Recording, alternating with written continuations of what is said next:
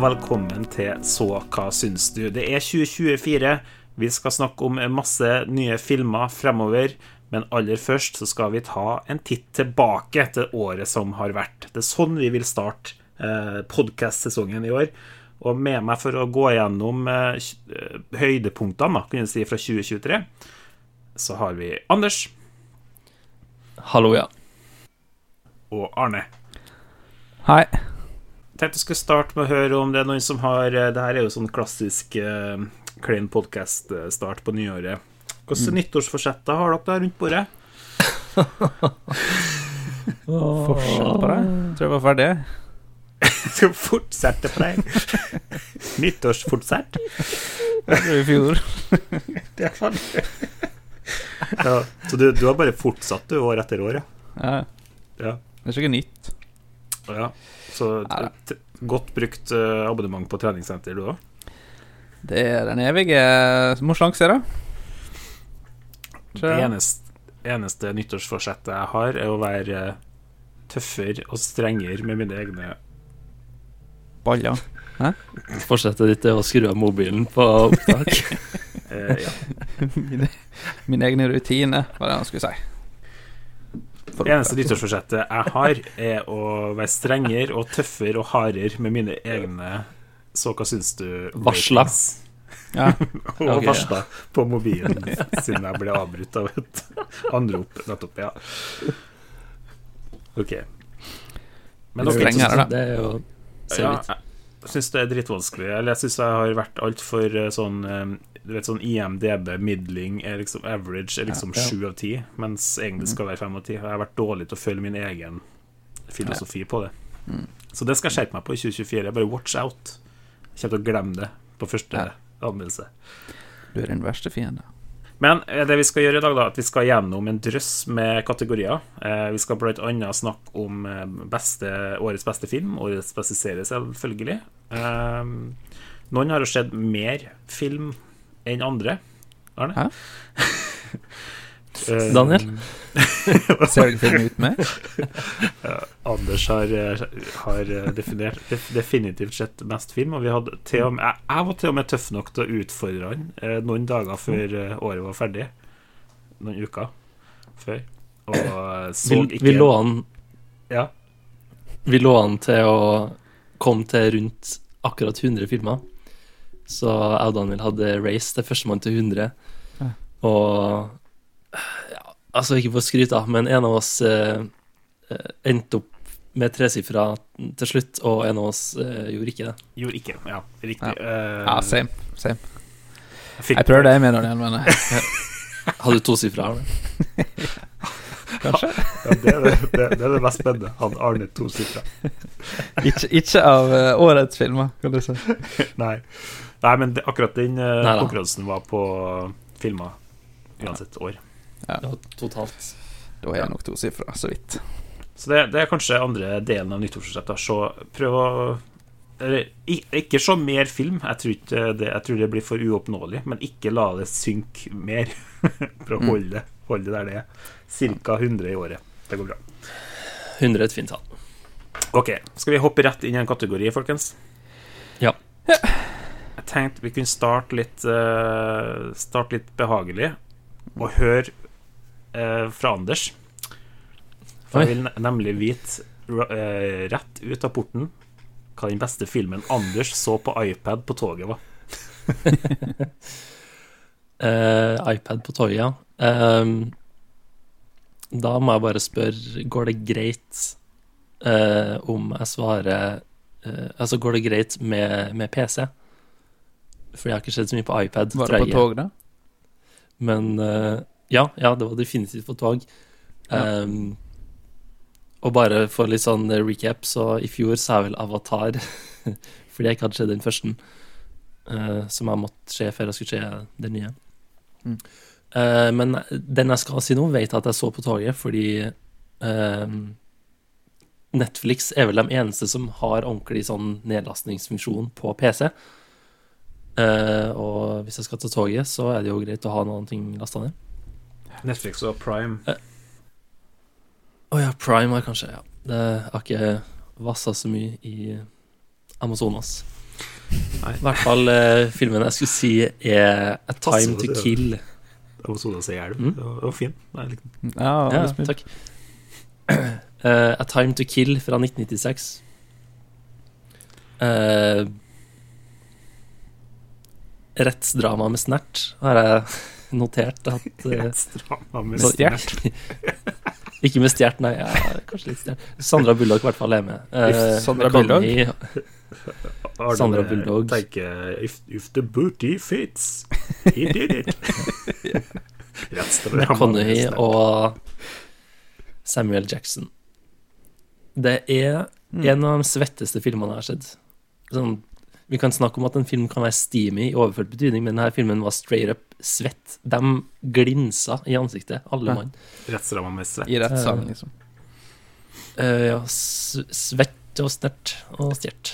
Ja. Eh, som dere hører, da, så er, her er det jo det er jo Best of 2023-episoden, men enkelte kategorier er litt friere og kommer til å være sånn som her, da, en film fra 90-tallet. for det går an på denne kategorien, som er litt spesifikk. Men det var best of uh, laptop viewing uh, fra året som gikk. Mm. Det andre som kommer til å skje litt sånn sporadisk her, er etter, etter, at vi har gått gjennom alle kategoriene, så kommer vi til å innom spådommene til 2024. Og vi kommer også til å snakke om spådommene vi gjorde for ett år siden, for 2023. Og det kan hende at det dukker opp et klipp her og der. Så spredd litt utover. Eh, neste kategori oh. Det er en eh, staple som vi har hatt flere, flere ganger nå. Mest Netflix, minst original Netflix-original. Hva betyr det, Anders? Det betyr at Netflix har vært på ferde og lagd clickbait-filmer som folk skal se, men som egentlig bare er dritt. Ja. Og som du introduserte Altså, du introduserte denne kategorien fordi du uh, kan gå i den fella. Ja, jeg er rett og slett uh, målgruppa til Netflix. Så de, de, bare smører opp Dwayne Johnson i olje, setter den sammen med Ryan Reynolds, og så sier de Daniel, se dette. og jeg går på. Uh, så det er en egen kategori ja. for uh, noe streaming-ræl, rett og slett. Vi kan starte med min. da Jeg har skrevet Extraction 2. Det gjorde jeg veldig enkelt der, altså. Vi snakka jo om Extraction, uh, den første, for lenge siden. Det ble aldri noen episode på Extraction 2, og det går helt fint. Rart med det. de har en, en litt kul actionscene men det er litt for lite i en to timer lang actionfilm. Uh, og det var ellers veldig sånn forutsigbar. Uh, jeg tror jeg nevnte så vidt på sett det siste en gang, men det, det inkluderer altså et parti der uh, Chris Hemsworth gjemmer seg fra et helikopter som skyter med maskingevær, bak ei trapp. Og da snakker vi om ei trapp der det er altså opperom imellom hvert trinn. Nei, han, han gjemmer seg bak en stige, beklager, med opperom mellom hvert trinn. Og det, der tar han dekning. Jeg har hørt at det er ulykke å stå under en stige, så jeg vet ikke helt hvordan han tenkte at det der skulle gå. Nei. Er det noen andre som har noen filmer eller noe på den kategorien her? Jeg har en bra overlapp da, til forrige kategori og, og denne kategorien. Og det er med filmen Luther The Fallen Son, ja. som da er en film oppfølger til serien Luther, eh, der Idris Elba spiller etterforsker. Mm. Og den filmen her skulle jeg se eh, på toget. eh, og jeg, jeg, rakk å se så langt som til opening credits før det kom opp melding om at nå blir det buss resten av veien. og da har vi liksom kjørt i én time med toget. Um, og resten av den reisa hadde jeg faktisk en litt sånn Before Sunrise-aktig uh, opplevelse, men det er kanskje en story for en annen dag. Men uh, Luther the Fallen Sun var jo litt sånn Men den var jo ikke drit, da. Men den var jo litt middelmådig, kanskje. Men uh, serien er jeg egentlig veldig fan av. føler det alltid skjer med de her filmene, på, filmene i en sånn seriesammenheng. At de er alltid litt sånn Det er som en middels episode, som regel. Aldri helt klar å Men igjen, da, så er jo episodene på Luther er jo Det har jo vært sånn Jeg tror sesong fire har to episoder, og hver episode er sånn over en time. Så jeg vet liksom ikke helt hva 90 minutters film Hvorfor ikke det bare kan hete neste sesong, på en måte. ja. det, er, ikke så stor forskjell, i hvert fall, da, i, i den lutherske verden. Jeg kom på noe Netflix, for jeg har faktisk sett noe på Netflix de siste seks månedene. Ja. Og det, var, det, er jo ikke originalt. Det er jo minst originalt siden det er en uh, reality-versjon av en ekte serie. Mm. Mm. Squid Game-serien. Det telles. The Challenge. Den syns jeg var bra, altså. Å oh, ja. Faktisk. Da telles det ikke. Nei. Men uh, det var det eneste jeg har sett som var sånn jeg husker fra Netflix. Så mm. Du syns det var bra, ja? Så ja. det går an å se på at de, de gjør de samme utfordringene for penger, ja, det er ikke helt det samme. dør? Ja, det, blir, ja. det er litt uh, hva skal jeg si vennliggjort for uh, reality-formatet. Så det er noen ja. challenges som er annerledes, eller gjort på en annen måte. Så det er ikke ren kopi. Mm. Men det var faktisk uh, ganske spennende sånn intern drama og sånn. Ja. Okay. Uh, neste kategori. Beste norske film eller serie. Er det noen som har noe på det? Jeg er veldig biased, da. Uh, ja, du har jo vært uh, kløren i en del av dem. Ja, i hvert fall i Det står liksom mellom to for meg, føler jeg. Og den ene har jeg vært med på sjøl, og den andre lær, læreren min sin film, så jeg liksom ikke helt Men Men Altså, ja, jeg jobba på Skomakergata, det nye, mm. og syns den var søt. Men det er jo Det er jo en barnefamiliefilm. Um, så sånn, for meg personlig så Så treffer jo for så vidt Norwegian Dream bedre, da. Som har vært uh, delvis i hvert fall uh, innspilt i Trondheim, eller alt var vel spilt inn i Trøndelag. Ja, stemmer det. Så det er jo en win for uh, regionen. Ja. Jeg har veldig lite her sjøl. Jeg tok og skrev opp Makta, som er den serien som har blitt mm. veldig populær i høst der. ja. Og det, jeg tror det har kommet noen nye episoder nå. Jeg har ikke sett det ferdig, da så det er litt, litt sykt å ta det med. Men bare for å nevne, nevne det, så syns jeg Makta var imponerende, da selv om jeg ikke har sett det ferdig. Så jeg skrev opp den. Uh, hadde du noe her, Arne? Jeg har bare sett én norsk film eller serie, så jeg dominerer ja. den. Hva var det, da? Det var Bukkene Bruse reiser på badeland. På badeland? Ja. Ah. Ok. Den var veldig skuffende, syns jeg. For du hadde Men, høye eh, forventninger? Ja, iallfall til sangen. Sånn at da skulle det liksom være skikkelig trøkk når badebussen-sangen er på, liksom. Men ja. lyden på den sangen var lavere enn liksom dialogen i filmen. Så det var veldig sånn antiklimaks. Ah. Miksen var helt rar. Det var sikkert noe med kinoen. Men det var skikkelig uh, letdown, sånn sett. Men ungene kosa seg.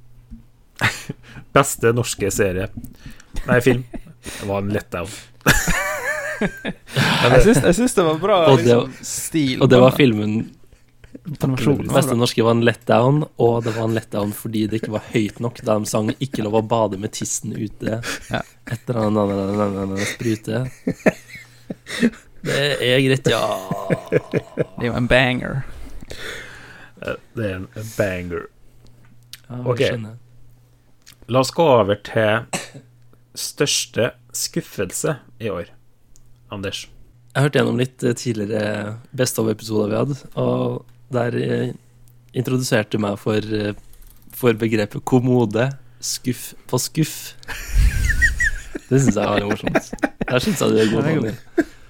Um, og da gikk jeg litt gjennom her for å se hva hadde skjedd liksom etter hverandre som var drit. Um, og ikke at det var så veldig stor skuffelse, sånn sett, da, men det var skuff på skuff, i hvert fall. Og det, det var da jeg skulle se meg opp på Guardians of the Galaxy, for så å se den nye på kino. Jeg snakka om på kino før, snakka om på poden før, da, men uh, det ble i hvert fall tre stjerner sammenlagt på dem. Men, uh, ja, tre skuffer. Så det var, det var i hvert fall årets kommode, men uh, når det kommer til ting jeg det blir navnet på hadde... kategorien fremover. Det, det blir ja. årets kommode. Og så er jeg spent jeg på neste års uh, beste film Anders så på buss for tog. Som jeg tenker vi er igjen til neste, ja. neste gang. ja, ja. Uh, jeg, kjørte forbi en, forbi en buss for båt. Det syns jeg er det beste. Det, det skjer bare så båt. Tog for buss snart.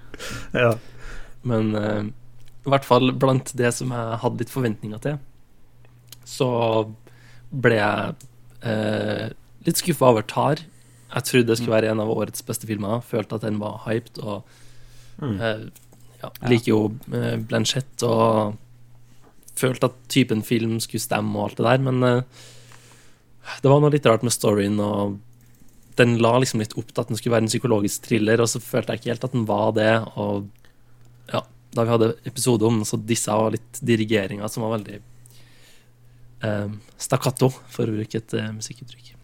Ja. Så det var litt skuff. Um, Men du så sånne detaljer som jeg ikke så, sånn at hun, måten hun trykte på pianoet, var liksom feil og sånn. Ja, men det er det, som, det, er det som er liksom når filmen Ja, men det er noe med når, når den karakteren spesielt, og filmen sånn, snakker veldig mye om eh, om følsomhetene med musikk og, den de sånn ekstrem fintuning da, på hvor følsomt det skal være. Altså. Veldig smart språk, liksom. Og så setter du seg ved et piano Dung! det blir for dumt. Men uh, ja, sånn er det. Arne, hva var din og, Men eh, ja, jeg, må bare si, jeg tror, jeg, har, jeg tror kanskje jeg har en som er enda verre.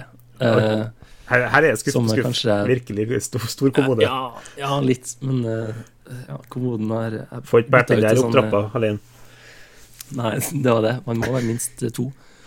Uh, og det Kanskje når vi kommer tilbake til etter hvert òg, da, men uh, det er en regissør som heter Wesley Wales Anderson, mm. som kom med en ny film i fjor. Uh, ja. Som heter As Destroyed Shitty, og den Den skuffa meg.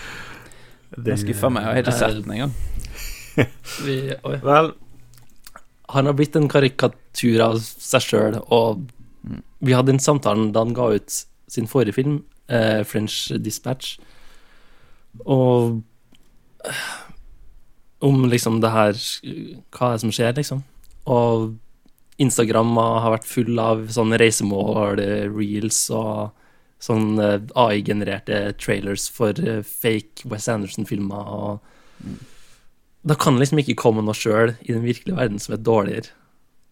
Um, og som jeg sa da vi snakka om etter at det hadde skjedd på kino, så innrømte jeg jo at jeg sovna på kino, så mm. det sier vel sitt. Før vi, til, før vi, går til, Arne, så tenker jeg at vi må hoppe innom meg. Men la oss først høre på hva Anders trodde kom til å være min favorittfilm i 2023. Bra, jeg har òg trua, Daniel, på at uh, Wes Anderson uh, Altså, å si at han reiser seg etter forrige film, vil jo være uh, Ja, for det er jo ikke en dårlig film. Den er jo bra, dispatchen, men men det er litt sånn Når du tror kanskje sånn åh, Er han litt på vei ned? Begynner liksom Har jeg sett de beste Wes Anderson-filmene? kommer han til å lage en bra film igjen? Du starter å spørre deg de spørsmålene før du ser den, og så er den knallbra. Det tror jeg. den trodde, ja. trodde Andersen kom til å bli knallbra og kom til å bli løfta opp igjen fra en litt sånn middelmådig French Dispatch West Wes Anderson tidligere. Uh, men min største skuffelse Og hva syns du det? Hvordan syns du det gikk, da? det gikk ikke så veldig bra, Anders. Det var ikke bra. Det var en skuffelse. Samme som eh, deg om Astrid City, egentlig reagerte på det samme. Det var det som vi har snakka om før, at han har bare blitt eh, ekstremt eh, opptatt av eh, å caste flest mulig venner. Eh, mm. mer enn å fortelle en historie oppi det hele, og du merker det mer og mer. Det blir tynnere og tynnere. aldri, alltid vært litt sånn overfladiske filmer, men det har vært eh, litt mer eh, intimt likevel. Som uh, en av mine favoritter, The Darjeeling Limited, f.eks., som følger tre stykker på en reise. Uh, og det, vi er langt bort ifra Bottle Rocket og uh, Life Aquatic og Steve Sissel og den tida der eh, nå, syns jeg. Altfor langt bort. Mm. Så jeg blitt dypt, dypt skuffa over Asteroid City. Så dessverre så kommer ikke den til å være min årets beste film, da, Anders. nesten, da. Ja, nesten. OK, hva var din største skuffelse, Arne? Uh, nå var det ingen jeg har ja, ingen jeg har sett som jeg hadde så bra forventninger til. Han er en Oppenheimer, som jeg syns var bra. Um, men jeg var jo skuffa over The Killer, da, husker jeg. Mm. Jeg forventa masse mer av Fincher. Um, Enig. Og i grunnen John Wick spesielt. Den har satt igjen med sånn skikkelig sånn uh, Oi Dårlig smak av etterpå, liksom. John mm. Wick 4. Mm. Så det Ja. Jeg vil si John Wick, hvis jeg skal velge det. The Flash er ikke vits å bruke. det, hadde, det var ingen forventninger fra før. Nei. Men, uh, The Flash er sånn som du legger oppå lortotkleskorga for at du tenker at den er, den er, den er liksom ikke ren, og den er ikke skitten, de skal, men den skal i hvert fall ikke opp i skuffen, tenker vi. Det er, det er sånn maleskjorte ja. Alltid litt skitete. det høres ut som sånn guilty pleasure-favoritt, egentlig, da. Hvis det er sånn det er drit, men jeg bruk, det er sånn du bruker den ofte. Ja, ja. Bruker den hver gang du skal jobbe. Dårlig sammenligning. Ta sjøkritikk. for jeg vil helst aldri bruke den skjorta igjen. Så du har, du har, donert den, egentlig? Jeg har, jeg har donert den. Mm. Um, OK. Uh, naturlig å gå fra største skuffelse til største overraskelse, ikke da? Det da. det. Ja. Uh, minst Altså, største overraskelse er litt vanskelig, for at uh, for at det skal være en, altså, I hvert fall for uh, dem av oss som følger veldig mye med på hva som kommer ut, da. Uh, og det gjør jo kanskje særlig jeg. Uh, å ha litt sånn oversikt over det som kommer i måneden her, og på streaming og på kino og alt sammen. Så er det jo lite som catcher meg helt off guard. Men jeg, jeg laga den kategorien her når Pray kom ut, husker jeg, for to år siden, tror jeg fordi den syns jeg var så kul. Og jeg forventa ikke en så kul sånn spin-off fra Predator-filmene. Men i år så har jeg valgt å nominere en Netflix original, tenk det, som heter Leave the World Behind. Har dere hørt om den filmen? Ja. ja. Har det skjedd noe? Nei? Nei, nei. Det har ikke skjedd film. Hold med å høre. Ja. Nei, for det her er jo det, bra, det her er jo en sånn uh, litt sånn sci-fi disaster-film med uh, Julia Roberts, Ethan Hawke og Mahershala Ali. Uh, og den syns jeg var veldig sånn fresh i den disaster-filmsjangeren. Altså, den, den, den, gjorde liksom hele tida noen vendinger som jeg ikke forventa. Og den er veldig sånn liten, veldig, eller veldig sånn skalert ned. Det handler ikke om det er ikke Day After Tomorrow der det skjer masse eh, katastrofer. Du bare hører om det på Du hører mest om det på radioen, og så er de bare isolert og blir påvirka av helt eksterne ting. Eh, og, mm. og, så tør, og tør på en måte ikke å gå for langt ut av huset der de befinner seg. Da. Så du, vi møter på en måte ikke katastrofen som foregår så veldig mye. Vi får bare sånn små glimt av det. Og så er det mer et sånn karakterdrama og hvordan folk kan rakne og oppføre seg mot hverandre. Da, som er, er det, det, det, er sånn det beste av sånn The Last of Us og Walking Dead. Og sånn. når, det, når, det, er bra, så er det fordi at det er, sånn, det er på karakternivå, syns jeg ofte. Og den her eh, gjør det veldig bra. Og kom veldig uventa, for jeg hadde ikke noen forventninger til en sånn film som dukka opp på Netflix. liksom. Eh, ja, for min del så tror jeg vi må reise til år 2065. Og det er 65 med Adam Driver. Jeg trodde det var sånn 65 millioner år siden, når dinosaurene kom. Men det er 2065. Er det så bra? Det var ikke den Ikke den filmen.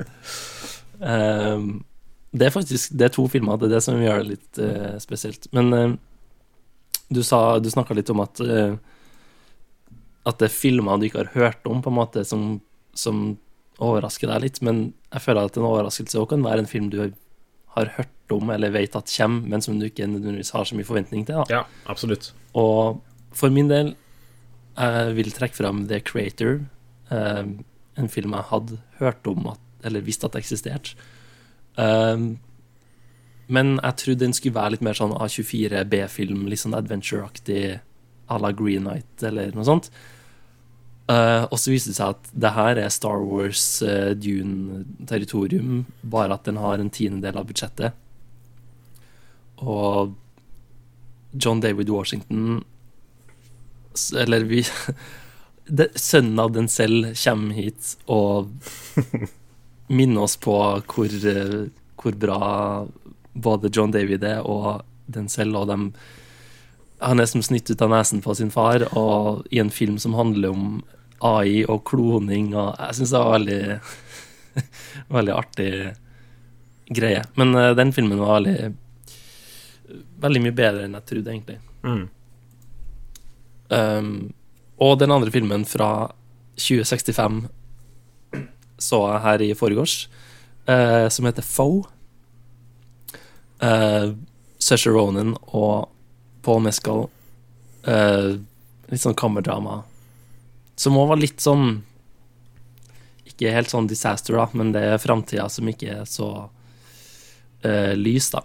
Um, og de bor veldig isolert, og vi får ikke se så mye katastrofe, eller det er ikke det den egentlig handler om. men Vi skjønner at det er litt dårlig å leve på jorda, men uh, den har fått uh, ikke så mye buzz, og det den har fått, har vært litt sånn mjau. Ja. Men uh, Kanskje bare fordi det er Ronan, men jeg, jeg syns den var grei, liksom. Jeg, jeg syns ikke den tabba seg ut sånn sett. Den Slutten var kanskje litt sånn med, men Men den ser veldig fin ut, og jeg syns at skuespillerne er flinke, så Så egentlig good job. Eneste problemet er at de Det er to irske skuespillere som spiller et par, men begge har amerikansk aksent. det vet jeg ikke helt hva vitsen er med. De kunne bare vært irsk, liksom. True. Men uh, den ser i hvert fall fin ut, da, og sushi er med, så det er greit for meg. Alt som uh, må til, er litt sushi for Anders. Så bra. Uh, jeg, jeg, sendte jo deg en melding. Bare, jeg skrev vel bare Det her ligger på Prime nå. Og så skrev jeg bare Foe er på Prime nå, skrev du. Og så skrev jeg sushi. Og så var det bare sånn OK, jeg skaffer ja. meg Prime nå. det Jo, men fordi vi snakka òg om uh,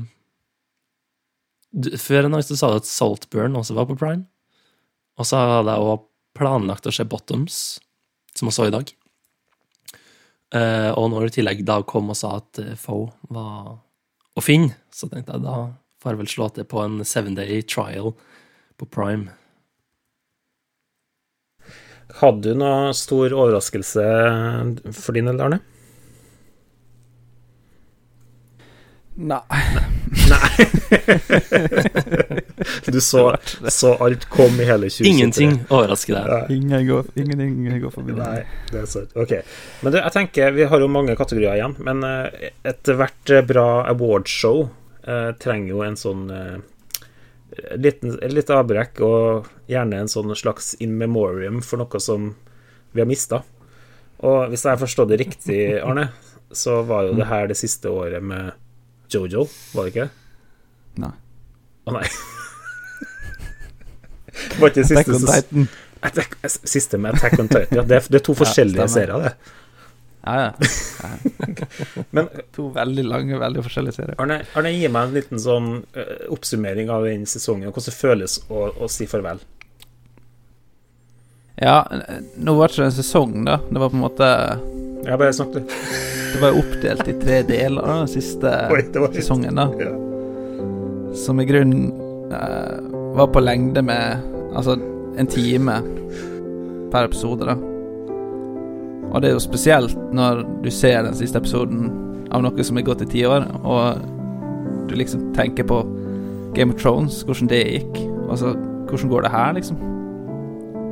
Og så veit du at de som har lest mangaen, de likte ikke slutten på mangaen. De var sinte, liksom. Holdt på å brenne ned Reddit, for det var så masse styr. Men når det var ferdig, så var jeg glad. Og det gikk bra med Tack on Titan. Oh. Spoilers. Så koselig. Det var koselig. Jeg var veldig fornøyd. Likte, likte historia og likte måten jeg avrunda på. En eh, bra cap-off på den. Ja, jeg beklager at jeg blanda Jojo og Attack on Titan. Et dårlig tegn fra min side på min eh, anime-kunnskap. jeg føler den one-to-one vi hadde på uh, hytta, kanskje ikke satt seg så godt som den burde. Nei. Nei. Arne, Arne, gikk, Arne for hjem fra hyttetur med så hva syns du-gjengen og tenkte nå har jeg endelig fått dem på glid. Attack on Titan, Jojo, alt er på glid. Mm. Og så kommer det her. Ja, nei, det er nedtur, det skjønner jeg. Men eh, sånn apropos, da, så tenkte jeg vi kunne gå videre til beste animasjon, film eller serie. Hvis noen har noe der. Jeg har sett én, og det er en verdig kandidat å ta opp. Så da sier jeg det, og det er uh, The Boy and the Heron. Å oh, ja, du har sett den, ja? Nye Ghibli. Nye Ghibli. Uh, jeg visste jo ikke hele bakhistorien med at uh, det er han er store Ghibli-regissøren sin, sin store avskjed og holdt på å si rekviem. Um, men selv uten all den kunnskapen om omstendighetene, så syns jeg det var en veldig artig film. Og bra.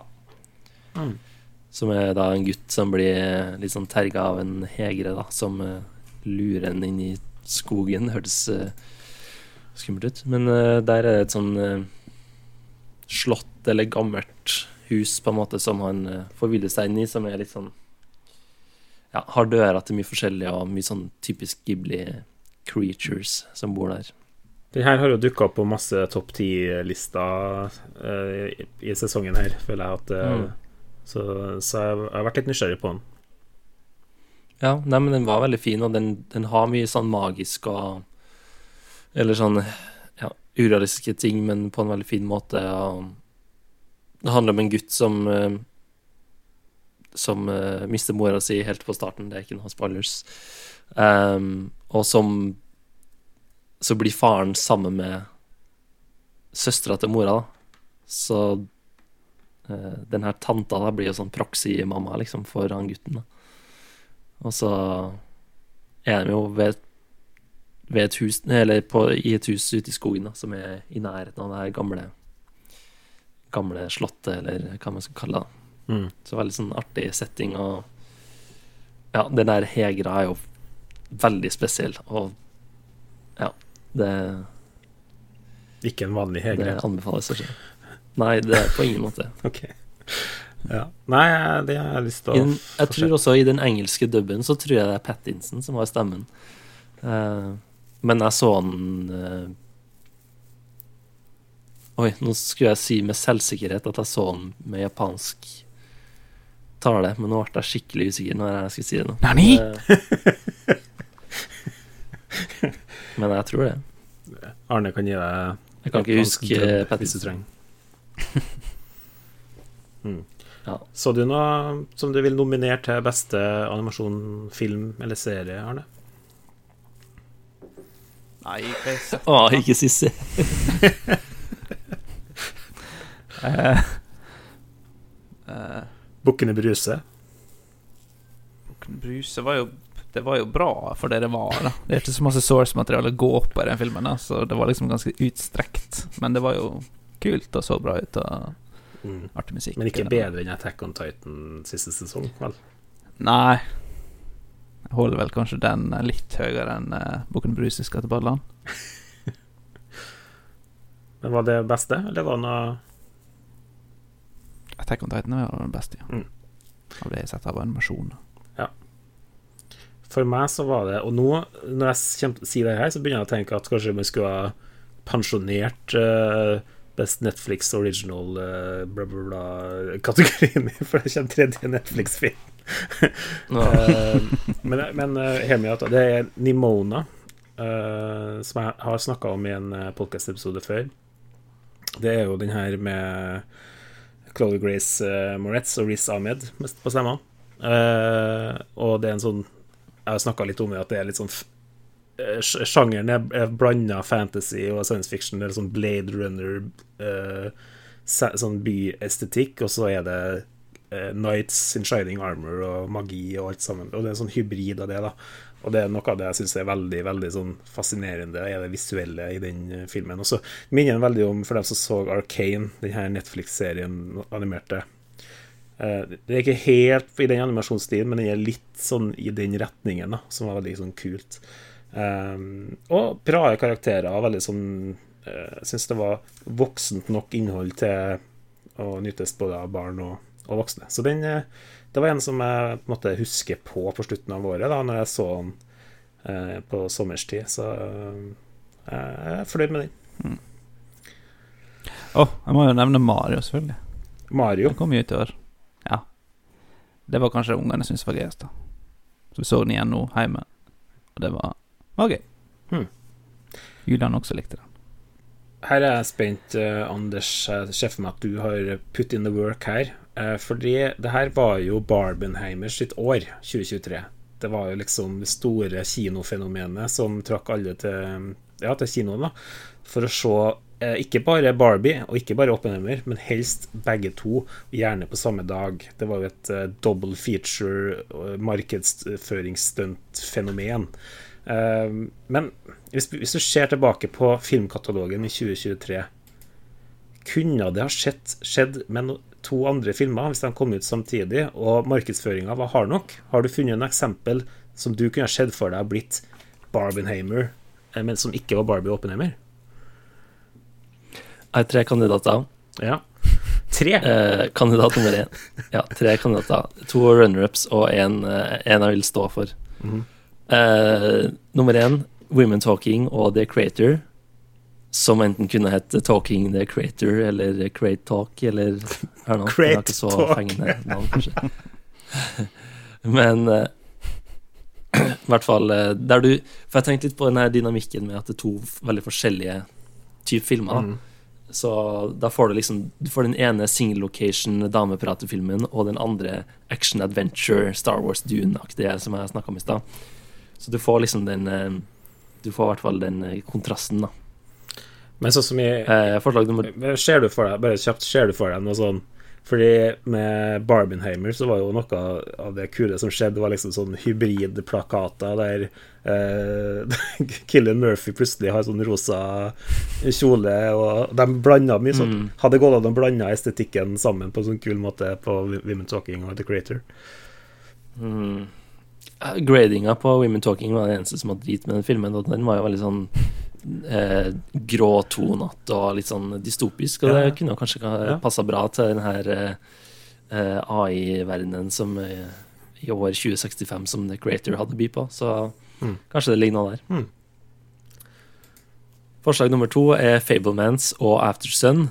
Eh, som bare rett og slett er fordi det ville vært en double dad cam feature siden begge de uh, filmene uh, bidrar med litt sånn eh, hjemme home videos. Uh, og den hadde jo i så fall hett Fable Sun, da. Fable Vet, jeg vet ikke helt hvordan det ellers skulle utarta seg, utenom at man måtte virkelig liksom uh, embrace denne dadcam-approachen til det. ja.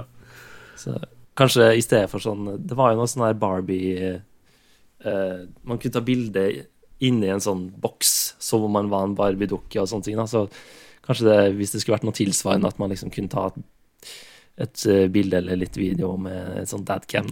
Hmm. Men uh, den Mitt beste forslag er Babylon og Past Lives, der du på én side får tre timer der alt kan skje, med dritende elefanter og mer til. Uh, og den andre uh, to timer veldig nedpå, uh, litt mer sånn indre konflikt og den ting. Og den hadde selvfølgelig et Baby Lives. nice. Um, eneste jeg tenkte på bare når jeg kikka på plakatene på Letterbox på det hadde skjedd fra 2023, det var om det gikk an å For jeg så en en julefilm som heter 'Så var det jul' igjen, norsken. Og så så jeg The Meg 2 med Jason Statham. Og jeg, jeg bare, så, var det, så var det meg igjen. Det er jo en fin sånn undertittel på, på Meg 2 òg. Så, så, var det meg igjen? så var det meg igjen. Da, jeg vet ikke, bare Hvis Jason Statham har tatt med seg en hai hjem til jul, og, og liksom hvilke problemer uh, får man ut? Nisselue på haien? Ja, hvilke shenanigans uh, skal de opp Ja. Det var det nærmeste jeg kom, men jeg, jeg, egentlig så endte jeg med å ikke skrive opp noe, men nå nevnte jeg noe lell, da. Så. Du er på god vei til å bli Netflix-producer. Det, det, her er populært. Det her er populært. Vi setter sammen. Kanskje, Anders, at du har Det her tror jeg er mest aktuelt for deg, i kategorien her. En minneverdig kinohistorie. Hva har du og damene dine på kino opplevd i 2023? Det, ja, nå, er, nå, har jeg bestemt meg at uh, Fordi vi, vi, trengte jo noen navn til dem her. Nå har jeg bestemt at de heter Margrethe og Bjørg, sånn til future reference. Margrethe og Bjørg, ja. Uh, Margrethe og Bjørg. Uh, og hvis noen ikke henger med på det, så er det bare at det er et eldre venninnepar Eller det er ikke de samme hver gang, men det er alltid et eldre venninnepar som er på de filmene som jeg er på. Uh, Og nå heter de offisielt Margrethe og Bjørki. Ja. Uh, det jeg lurer på, egentlig, spør du bare fordi du trenger Du lurer på hva jeg har spist i år? Eller det er liksom liksom ja. I fjor så dissa du meg litt for at jeg bare tok med meg mat på kino. Ja, jeg mente jeg, jeg så vel for meg et eh, tacosett, mener jeg husker, som du Der du drev og Ja, vi drev og snakka om noe sånt. Ja, du roterende bit. roterende fat med skåler, ja. Mm. Det har vært uh, for lite av det. Uh, og det har jo kanskje vært litt mer på grinefronten. Jeg har jo snakka på tidligere episoder her både om at jeg etter Aftersun bare tenkte på um, tidligere uh, Sydenreiser og fikk lyst til å dra til Syden igjen idet jeg gikk forbi ei som satt og hylgrein, og tenkte litt sånn Her er noen som har hatt forskjellige opplevelser av den filmen. Um, samtidig som uh, jeg var på Women Talking på kvinnedagen alene, satt midt i salen. Um, og da enten Margrethe eller Bjørg spurte meg etter filmen var ferdig, om det gikk bra. Eh, så det har vært uh, det, har vært et uh, jeg, jeg, vet ikke hva de hva, Jeg vet ikke hva de tenkte, men de var i hvert fall ikke helt trygge på at altså, han satt, altså, Arne han satt jo her og, og liksom holdt på løk og tacosaus og alt sammen, og, og liksom tårene rant. Det var løken som gjorde at det begynte å grille. Knasker det til nachochips og Det var egentlig bare litt sterkt. Ja. ja. Nei, ok, men det var fint. Ja. Nei, jeg skulle, jo jeg, jeg skulle jo Litt sånn passiv-aggressivt. Litt spist. Jeg skulle ønske at uh, Barbenheimer var årets synopplevelse, men jeg fikk jo ikke vært med på den, uh, mm. det fenomenet før jeg så dem individuelt. Mm. Jeg tror kanskje at det faktisk det aller beste sånn øyeblikket for min del var Hvis jeg får lov til å se en film som ikke er ny, da, så var jeg på en visning av en film som heter 'Cabinet of Dr. Caligari' fra 1920, mm. som er en stumfilm, men som på den visninga var det livemusikk. Så det var noen som spilte da, mens den foregikk, og det var en veldig artig opplevelse. Og jeg har aldri skjedd film med livemusikk før, så det var, det var en first, men det, det, var gøy. Helt klart uh, gyldig som kinoopplevelse i 2023. Og det hørtes veldig Ja, det, det ble jeg misunnelig på, rett og slett. Det hørtes uh, kult ut. Uh, Arne, jeg innså at jeg hoppa over deg når det kom til herre uh, double feature Barbenheimer, men jeg regna med at det går, går fint, for du stoppa meg ikke. Ja. Jeg, jeg er bare på heimert. bare på heimert. Uh, Jojo og Attack on Titan. Jojo, ja.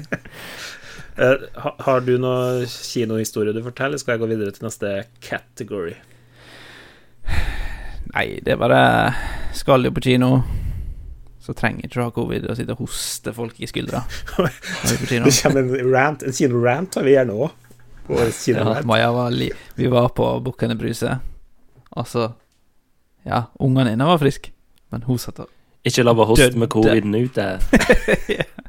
Hun satt og døde på sidelinja uten å ha noen maske eller noe sånt. Så det er gøy. Så hold deg hjemme hvis du har litt host og hark. Det er lov til å avbryte en kino, da. Ja. ja. Enig. Ok, jeg lurer på om dere har noe SKST-liste-ratings dere angrer på i året? Altså, det var noe som dere i ettertid tenker Shit, der havna litt vel høyt. No regrets. Vel lavt. Anders er kanskje firm i sin Eller litt sånn fast i sin uh, rumpe og tenker at det her Det skal jo være litt in the moment, da, som du, ja, ja. Som du uh, sa litt på ditt nyttårsforsett, da. Definitivt. Og ikke så nøye planlagt, da. Men når det er sagt, så Så Det var en gang vi snakka om Eurovision, og jeg ga den 14. Ja. det husker jeg. Eh, det er jo altfor høyt. Nei! og jeg tenkte du skulle innse at det blir faktisk for lavt. Um, nei, men sånn eh, av det jeg rata Altså, jeg tenkte at det var masse, for at jeg føler Jeg, jeg angrer jo hvert, hver gang jeg sier en rating jeg, i podkasten. Så når jeg har sagt det, så er jeg sånn Hva faen? Idet det glipper ut av munnen. Ja, for, det, for det er noe, Vi har jo snakka litt om det behind the scenes òg, men oi, kanskje man skal være litt flinkere til å skrive opp tankene sine på forhånd. Men jeg spytter jo bare ut uh, live, så dere får det ganske ufiltrert her, da, lyttere. Og det går ofte på bekostning av min egen syke, for jeg, jeg har uh, våkne netter etterpå. Uh, men, men, Du har hva for noe? Våk, våkne netter. Hva trodde jeg sa? ok. Ingenting. Move on. Ok. Uh, ja, jeg har åpne nøtter. Jeg vet ikke helt hva det blir, men det er greit, ja. ja. Uh, men, men, når jeg kikka på lista tidligere her, så det var ikke noe som var så ille som jeg egentlig trodde. Når jeg ser på én, så er det mye som gir mening. Men jeg lurer på at hvis det er én jeg kunne ha tenkt meg å rate litt lavere Ikke skyt meg, Anders, men det satt aldri helt for meg Uh, altså, det, det, satt veldig ratingene som vi ga uh, til Women Talking.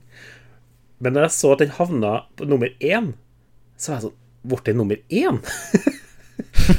så der Jeg angrer ikke så mye på uh, individuelle ratings. Jeg bare angrer på at ingen holdt oss tilbake fordi at jeg syns ja. Du angrer på at uh, ikke Arna var med ja. og sa at den var skeit? Ja, var, for han har kommet til Den, den gradinga i filmen er jo helt jævlig, Arne. Og både jeg, ja, jeg og Maren og Anders klaga jo på det i, i denne episoden her. Men du hadde jo ikke klart å, å se forbi det, for du, du hadde hengt deg så opp at det hadde jo blitt en uh, eh, 23 av 100. Jeg klarte ikke å se den engang. Altså. Så, det, så det, det, eneste er at jeg, jeg, jeg, jeg ville ha, skrudd ned ratinga mi litt, bare for å få den på andreplass. Ja.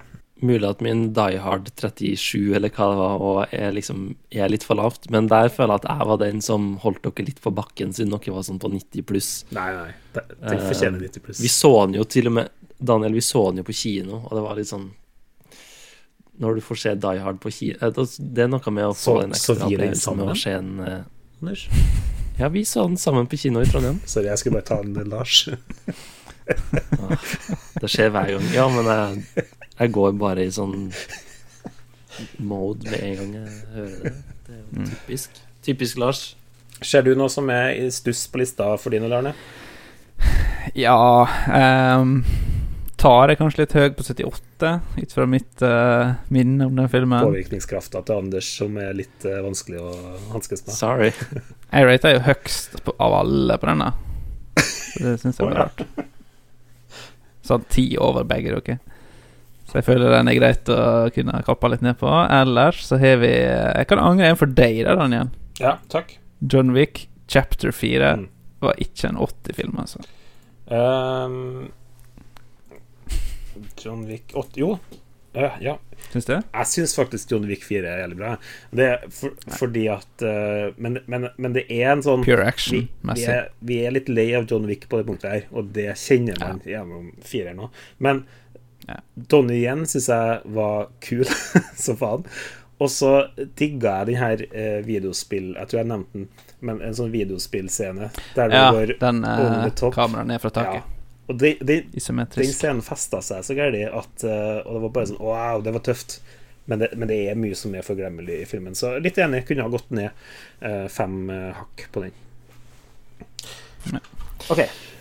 Vi er da, for dem som ikke henger helt med her, er vi over i kategorien SKSD-ratinga du vil gå til krig for å forsvare. jeg jeg smetta inn et par eh, kategorier i siste liten, og det ene var Jeg tenkte litt på I jula så er man jo hjemme med familie. Uh, og så, da, da, er det jo en sannsynlighet for at uh, temaet Skal vi se en film kommer opp sammen med familie. Og da tenker jeg på sånn mamma, pappa, søsken, så, så, så, nærmeste familie. Og, og, så kanskje ser de på de som er litt sånn filminteressert, da. Og kanskje har sett mest film. Og så er det sånn Åh, det er det verste. Du, noe... du, som driver på sånn med film, kan ikke du foreslå ja. eh, og da lurer jeg på Hva setter dere på da? Eh, hva, mm. er, hva var årets beste film å sette på med mamma og pappa? Selv om dere ikke nødvendigvis satt på den filmen. Men hva liksom sånn Hvis de skulle valgt, skulle valgt den, hvordan den hadde funka, liksom. Ja, sånn ja, som hadde vært en slager, liksom. Ja. Jeg kan gå først. Eh, mm. Så var det jul igjen. Den ble valgt, og den ble sett i jula. Eh, mamma og pappa elsker dårlige julefilmer. De, de, de er helt uh, uironisk uh, i sin tilnærming til, til, julefilm. Jo mer Hallmark, jo bedre. Uh, jo, jo, bedre den, den, tillater at du sover en time i midten, jo bedre. Og så var det Julien. Det passer, jo fint. I tillegg så er det sånn Det, det er, veldig, det er en norsk film, men den er, handler om ei, ei norsk dame som har flytta til USA, funnet en indisk eh, mann, og så tar med han på litt på impuls til Norge, og så er det masse sånn kulturkrasj da i julefeiringa. Det høres jo ekstremt amerikansk ut, og det er gjort som en veldig amerikansk julefilm. Eh, og det funker ikke så kjempebra, syns ikke jeg. da i, altså, Syns ikke filmen er så veldig bra. Men, men, i hvert fall, det var en slager med, for familien, ikke en slager for meg. Mm. Jeg har et lite sånn um, slags regelverk for det her. Um, og det at hvis jeg skal se noe med foreldrene mine, så det er tre ting som er Som passer hvis det er en god idé å den med dem, og så er det tre ting Fire ting hvis det er eh, en dårlig idé. Og den bra tingen er hvis den på et eller annet vis eh, Og altså, det er jo sånn, de leser jo om i avisa, eller de har jo helt andre tilnærminger til hvordan de hører om filmer, da. Men hvis de får med seg på en måte at den ser eh, interessant ut, eh, visuelt fin, eh, og typisk sånn årets beste europeiske film. Det er liksom Det slår an. Eh, jeg har sikkert arva det derre anti-amerikanske filmgreiet. Eh, eh, så det er liksom Men det må være litt sånn ja. Men jeg, det kommer Eller har kommet en ny film nå som heter 'Høstgule blader', som er sånn Den hadde sikkert funka, liksom, for den er sånn Den er europeisk, den er den er liksom Det er en drama, men som ikke uh, gjør så mye ut, utover det, men som bare sånn en, en fin mm. film. Det er sånn relativt uh, safe. Men, og den kan være sånn litt, uh, litt Altså, europeisk film er jo litt mer slow ofte enn amerikansk, som følger mer Hollywood-modellen, da. Men hvis det er en for slow burn, da kjeder de seg. Og da er det sånn, hvis det er en film på TV, for eksempel, så er det bytte kanal med en gang. Uh, så hvis det er for slow burn, uh, eller noe sånn fantasy sci-fi-greier, en dårlig idé. Uh, og hvis det er noe som Og det her er jo da spesielt på kino. hvis det er noe som gjør at de begynner å snakke, eller spørre om ting. Hvis det er sånn Ja Hvis det kommer sånne kommentarer eller hvis det er sånn Ja, hvorfor gjorde de det? Typisk med fantasy, da, eller sci-fi, for det er sånn Hvordan funker det? Hvorfor ja, et eller annet sånn om det høyteknologiske. Sånn, jeg vet jo ikke noe mer enn dem, på en måte. Er ikke dem søsken? Bare, ja. Uh, ja, det er Star Wars, tror jeg. Um, og uh, det selvfølgelig sikkerstikket over alle sikkerstikk uh, som gjør det problematisk, er hvis det er sexscener. Ja. Og det er jo typisk hvis uh, f.eks. er hjemme på juleferie, uh, ser en film på den andre stua Hvis det er elleve sekunder med sexscene da er det da mamma kommer inn og spør om jeg skal ha kveldsmat. Eller noe. Eller lurer på noe. Ja. Og så er det sånn Skal du pause, eller liksom Du vil jo kanskje ikke pause ha det der sånn permanent. du vil kanskje ikke ha det permanent på skjermen, Nei. men hvis du fortsetter, så fortsetter det jo med uh, Med den scenen. Ja. jeg, så jeg bare innså det nå når jeg så Foe, at den krysser av alle de her boksene. Det er en slowburner, um, det er en sci-fi, det er sexscener. Uh, Katastrofe det hadde kommet til å vært et mareritt. Familien Andersen, skjønner jeg. ja, det, det, hadde gått dårlig. Ja. Har, har, du noe, Arne? Uh, det er sjelden jeg ser film med foreldrene mine. ja, ja. For det, ja, ja. det er hypotetisk. Hun stiller så sykt mange spørsmål om de mest sånn selvfølgelige ting. Som er sånn Å ja, ja, men det, det, er enten selvfølgelige ting, eller så er det de tingene som Grunnen til at de ikke vet det, fordi du heller ikke vet det. Eller, altså, ja, sånne ting som ikke er fortalt ennå i filmen. Uh, og ting som du ikke skal vite, for det er avsløringer i filmen. Eller sånn. Mm. Altså, hvis hun veit det sett filmen, så Da sitter hun og spør etter svaret, da, som er ekstremt plagsomt. uh, uh, men hvis du skulle valgt noe si som begge har likt, så tror jeg man hadde gått på noe sånn 80-talls uh, The Shining eller noe sånt, for å liksom få mm. De er glad i litt sånn spenning, da. Mamma er faktisk veldig glad i Breaking Bad, så hun liker litt sånn Det er jo det, det er dark uh, protagonists Antagonist protagonist. Jeg hører litt mer sånn Og faren min med eh, skal vi, skal vi, si smak i deres familie? Altså Andersen-familien. er sånn det, det, europeisk det, eh, drama, gjerne det. Og så kommer, kommer, du inn med, med, med The Shining. Ja. Mamma liker Breaking Bad. Og, og så hjem, så, hjem så tenkte jeg liksom Så var det jul igjen, kanskje? så det var liksom ja, du kan jo si det at det er bra, men det er, for å si det sånn, det er en outlier av rang at hun liker Breaking Bad. Ja, okay. ja. Uh, selve Ja, du Ja, nei. Selve utspringet til de to kategoriene var egentlig de andre sida av mynten, som er Hva er det verste å sette på med mor og far? Og ja. det, den filmen som er verst å sette på, den så jeg for to dager siden. Og den heter ja. Den heter Saltburn. og jeg vet ikke om du uh, lytter Hvis du ikke har fått med den altså Den går jo ganske viralt med masse klipp og sånn på um, TikTok og reels og sånne ting, fordi at den er så ubehagelig, uh, den filmen, at det, at det fins ikke ord. Og jeg, jeg syns likevel at det er en film som uh, en viss type person bør se, men hvis man blir veldig lett klein, så kanskje unngå det. Men, men de fleste Altså, det er noe Det er noe med den. Det er noe med den. Og, men å sette på den med familien, det hadde ikke gått an. Fordi det her er en film der du, hvis du ser den alene, du må likevel reise deg opp av sofaen. Du må gå i sirkel med hendene på hodet og bare være sånn Nei, nei, nei, nei. Det er, det er en så forskrekkelig ubehagelig film til tider. Og det er, uten å røpe noen spesifikke scener, det er alt ifra nekrofili til verre. Så her, hvis du pauser på den skjermen, Anders, så blir det krise til familien Andersen. ja. Du minte meg jo på at liksom, kanskje noen av de der kannibalismefilmene som jeg liker så godt, eh, hadde vært en dårlig idé også. Det er jo, hvis det blir for sykt, på en måte, så er det litt mer sånn Ja. Eh, heftige filmnerds som eh, godtar eh, det meste, eh, er jo et ålreit publikum, men eh, foreldre som helst ikke vil se noe som ikke har en forankring i virkeligheten.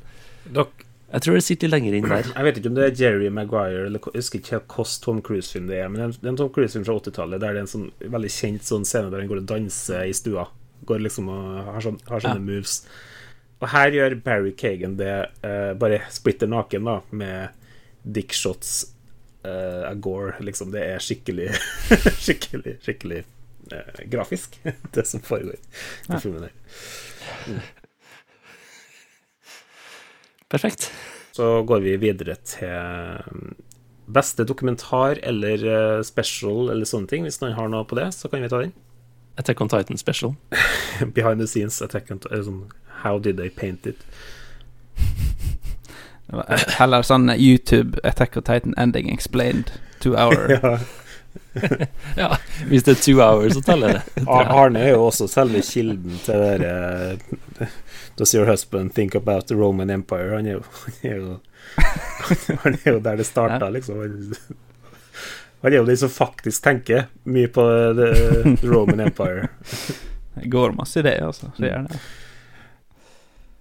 Mm. Nærmest der kommer en dokk, i hvert fall, er, er sånn filmer som er basert på en sann historie. Jeg frister til å si Fablemans, eksempel, som er Spielberg eh, eh, Ja.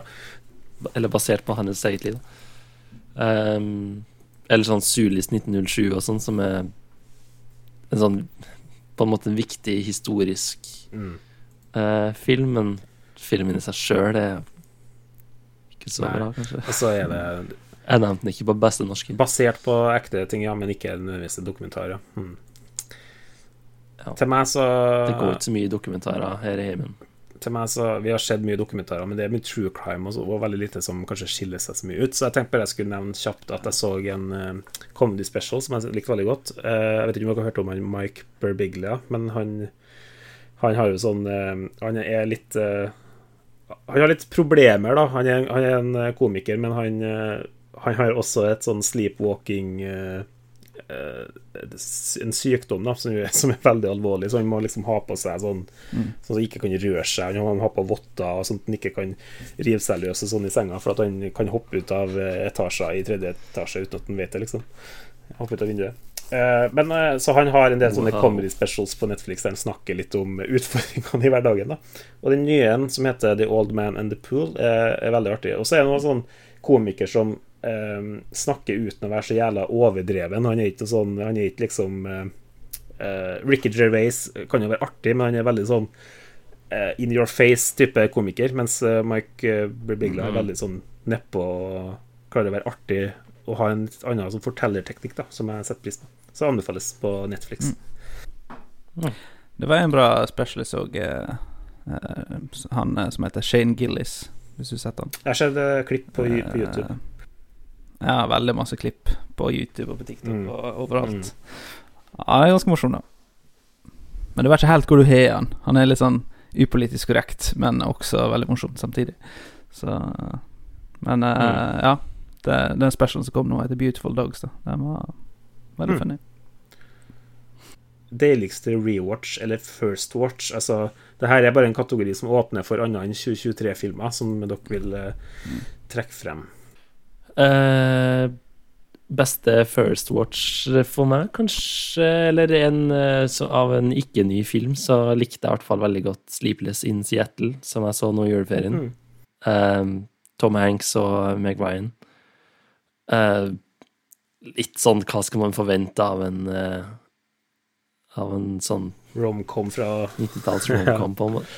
Men, men igjen, jeg liker jo 90-tallet veldig godt, og den er jo litt sånn anti Litt anti på en måte, fordi at det jo handler om to karakterer som er i hver sine byer, så det er liksom dem De kjenner jo ikke hverandre, eller liksom det er ikke så mye om at de En mer tradisjonell romcom er jo litt mer sånn at de blir kjent av, av Ja, dere vet den, hvordan det går i, vanligvis, da, men mm.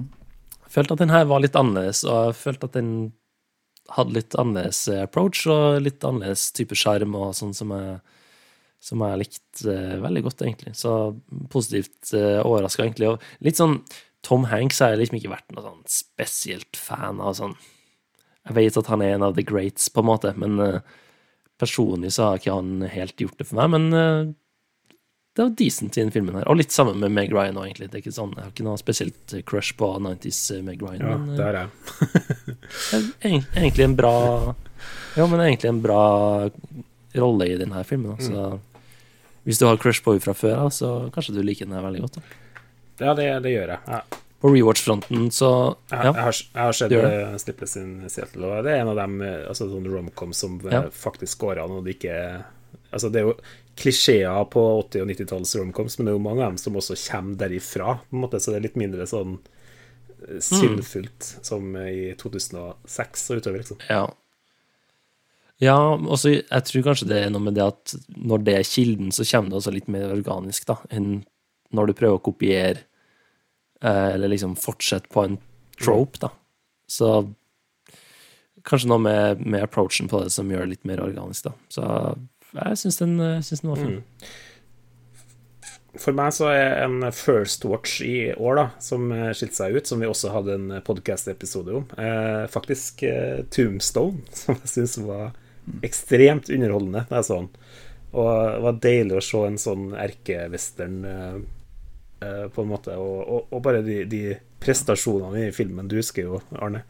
Eh, det, ja. det, var så mye artig å snakke om. Og, det var den jeg skulle si. Det var den du tenkte å si da, ja. Mm. Ja. ja. men det, det var sånn Å, hvorfor har ikke jeg sett den her før? Type ja, film. Jeg har liksom sett klipp fra den og liksom der det er snakk om at det her er en bra westernfilm, men jeg har aldri sett den. Så da liksom kjente jeg mange klipp fra den som var liksom sånn ikonisk. Og det var kult, og, kult å se den. Skal jeg skal, jeg skal vi den i lag, for det er så quotable, liksom, at du kan uh, Ja, det, det, føles ut som at den, den kan på en måte Den, den, går, den passer inn i så hva syns du canon nå. At det, at det er en ja. sånn eh, det, det, er nesten som en Sonic. Uh, Mm.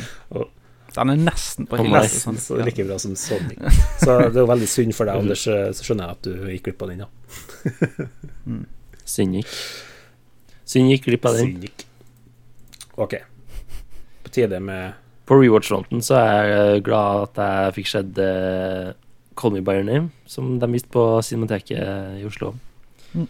Som jeg uh, ikke engang vet om jeg har rewatcha i siden sist jeg så den på kino. Uh, som måtte ha vært i januar 2018, eller når den kom på kino første gang i Norge. Uh, så det, det var fint å se den igjen, og fint at det var på kino. Hva var Så hva syns du panelets favorittsesong med TV i 2023? Jeg er spent på Er det Attack on Titan på den òg, Arne, eller har vi har, har, vi klart å Nei, faktisk to konkurrenter. Så det er jo uh, selvfølgelig Jojo sesong fire og fem. Oh, ja, okay. Suksesjonen. Ja. Uh, sesong fire. Mm -hmm. Og så Beef syns jeg var veldig bra. Det var en uh, klassisk serie. Det er sant. Biff, ja. Biff var faktisk veldig, veldig bra.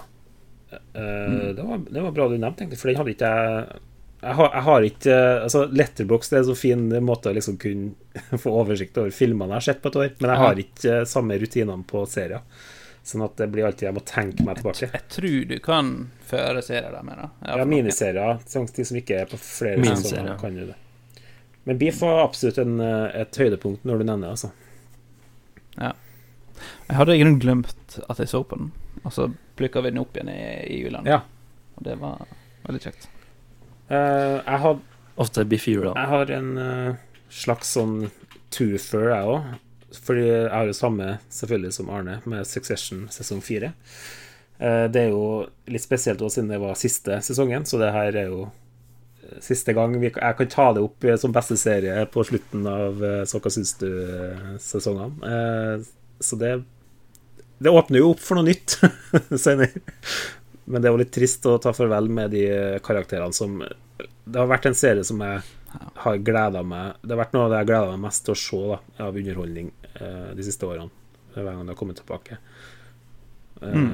Veldig lite som måler seg med, det, med, måten den serien er skrevet på, syns jeg. Og, og, jeg var litt sånn eh, Jeg, jeg husker vi snakka litt om det, jeg og du, Arne, men det, jeg, jeg følte at slutten sånn med, umiddelbart etter at eh, sesongavslutninga, serieavslutninga var ferdig, så var jeg litt sånn usikker. Jeg, måtte, jeg kjente at jeg måtte tenke litt på det, for det var litt sånn Det føltes litt sånn kaldt, på en måte, hvordan det ble avslutta.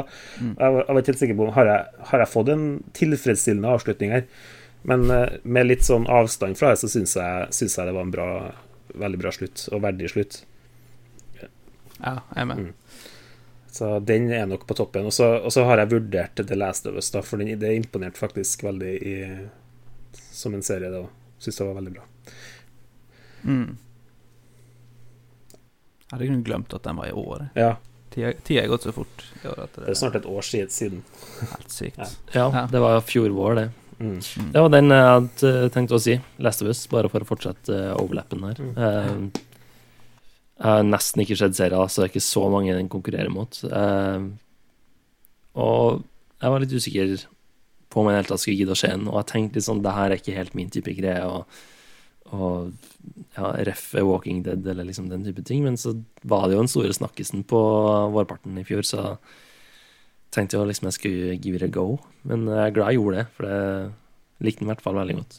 Årets eh, mest hørte Så hva syns du-episode, da. Så hvis det er noen som har mista den, så kan det virke som at det er en episode å høre, da. Ja, ja men det, det vitner jo bare til at det er det folk så på, da, og mm. var interessert i. Så, så det, var, det var good shit. Ellers så tror jeg nesten ikke jeg har sett noen ting av jeg snakka litt om en Netflix-serie. Det er veldig sånn Netflix original, kanskje, men uh, uh, en serie som het Obsession, som jeg nevnte litt på en ja, tidligere episode. Stemmer.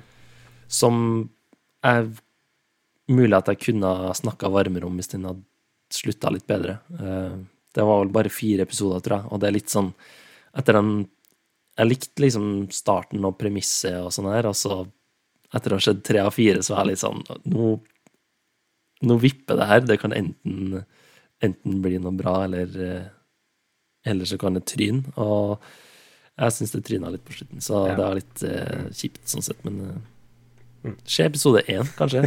Kan jeg si det? ja. Arne, jeg vet at du ikke er fan av det, men uh, Nei. Du må ha springende start, tenker jeg. Du får litt mer sånn forvirring og ja. liksom løse litt mysterier ja. mens du går og skaper en egen spenning. nå. vet du beste film. Her tenker jeg at uh, før dere sier svarene deres, så skal vi høre For vi har jo, som dere hørte, uh, spilt av et klipp når Anders uh, tenkte at Asteroid City kom til å være min favorittfilm, og det var min største skuffelse. Ja. men vi har jo flere sånne klipp på spådommer for beste film i 2023, som vi da gjorde på vår Best of 2022-episode.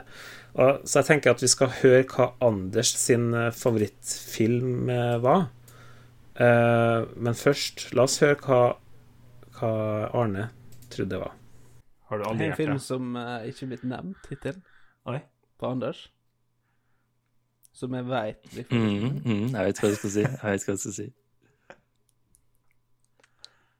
Det er ja. Timothy Timothy. Det må bli den, for det går ikke an. Han er jo på du nå. Og den blir dritbra. Han er på du nå.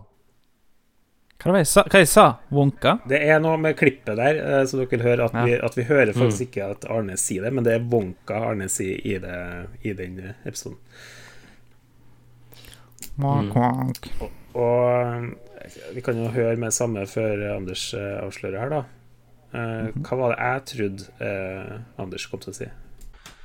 Uh, jeg tror jeg har scora bra på min på Anders, mm -hmm. hvis jeg skal starte. Mm fordi det er din most anticipated, og jeg har skrevet den opp her, og det er Barbie. uh, jeg tror den filmen kommer til å snakke til deg uh, på humorbeinet mer enn noe har gjort uh, siden Tina og Bettina 1. ikke skjedd. Sin... jeg syns det er veldig artig at Anders sier med en gang 'ikke skjedd den'. Skitt med den. Sikter seg. Ingen tror det er et sekund engang. Ok, så uh, Arne trodde at Wonka kom til å være favorittfilmen til Anders. Jeg trodde Barbie. Så nå er vi spent, Anders. Hva endte opp med å bli favorittfilmen i 2023? Ja, jeg må jo svare på tiltale først her, da. Med, med godeste Timmy Tonka. Um, det er vel stage one, og så er det vel etter at han har spist litt sjokolade, så er det vel Shalasjonka, kanskje. Men jeg så den i romjula. Um, men jeg hadde kids som alibi for å skje en med norsk tale, oh. så det er ikke helt gyldig. oh. eh, eh, og det var da Herman Tømmerås som eh, spilte Timmy sin eh, Wonka-karakter. Så det ble litt annerledes eh, Litt annerledes sånn sett, da. Men jeg fikk nå i hvert fall se på han, da. Men eh, ja. ja. Jeg vet ikke om det nødvendigvis var det som senka det for meg, men jeg likte filmen, men uh, den innfridde ikke sånn 100 Litt for uh, Litt for søt hele veien gjennom, på en måte. Um, Ja, det har jeg hørt at den var litt sånn litt, litt for snill. Eller sånn. Ja. Litt sånn litt altså, Det, det passa jo å se en Passa å skje med barn, da, for den var veldig sånn familiefilm, føler jeg. Og den, ja. Det er litt sånn når Wonka i både den Gene Wilder-versjonen og den med Johnny Depp, så det som er litt greia med Willy Wonka, er at han er litt uforutsigbar og litt sånn Ikke slem, men sånn Han finner på mye faenskap, liksom. Uh, mm. Og kanskje det er litt sånn ja, Scrooge var heller ikke sånn før han ble en gammel mann, liksom. Men uh, jeg følte liksom at uh, Timmy Tonka var litt for snill. Da. Det var liksom ikke noe Jeg følte ikke at det hinta noe til at han kom til å bli en, en snodig skrue når han blir eldre, liksom. Han var ja. veldig vennlig og liksom ikke, ikke, rar nok, på en måte. Ja. Mm. når det kommer til Barbie, så jeg snakka ikke om den på mest skuffende i stad, men Men uh, ja. Jeg, jeg forventa litt mer av, uh, av Greta Gervig, egentlig. Og som jeg skrev i mitt review av Barbie, så sa at uh, det Greta Gerwig har oppnådd med karrieren sin, er mye viktigere for kvinner enn det moralen av Barbie.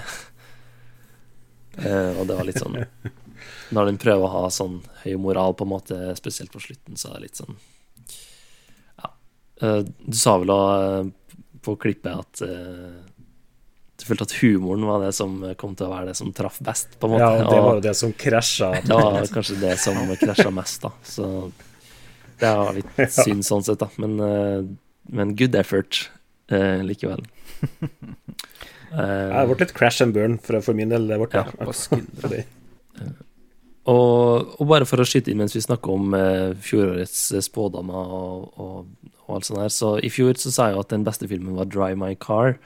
Eh, og da ga jeg også i lekse, eh, Daniel, til deg at, eh, at, du skulle se den. Farsken, du har hørt gjennom episoden vår. og, så, og så sa du eh, at det var lurt av meg å si at det var årets beste film, for du sa det skjer ikke at jeg ikke ser de filmene dere sier var årets beste.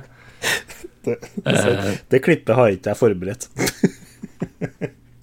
nei, men det kan du forberede nå. Altså kan du, eller jeg skal forberede det for deg, så skal jeg legge det inn som ringetone eller som alarm. Kanskje hver gang du våkner om morgenen, så hører du sånn Ja, det skjer ikke at jeg ikke ser den filmen. Uh, det er vel to år siden den kom, og det har fortsatt ikke skjedd den, så Nei, det stemmer.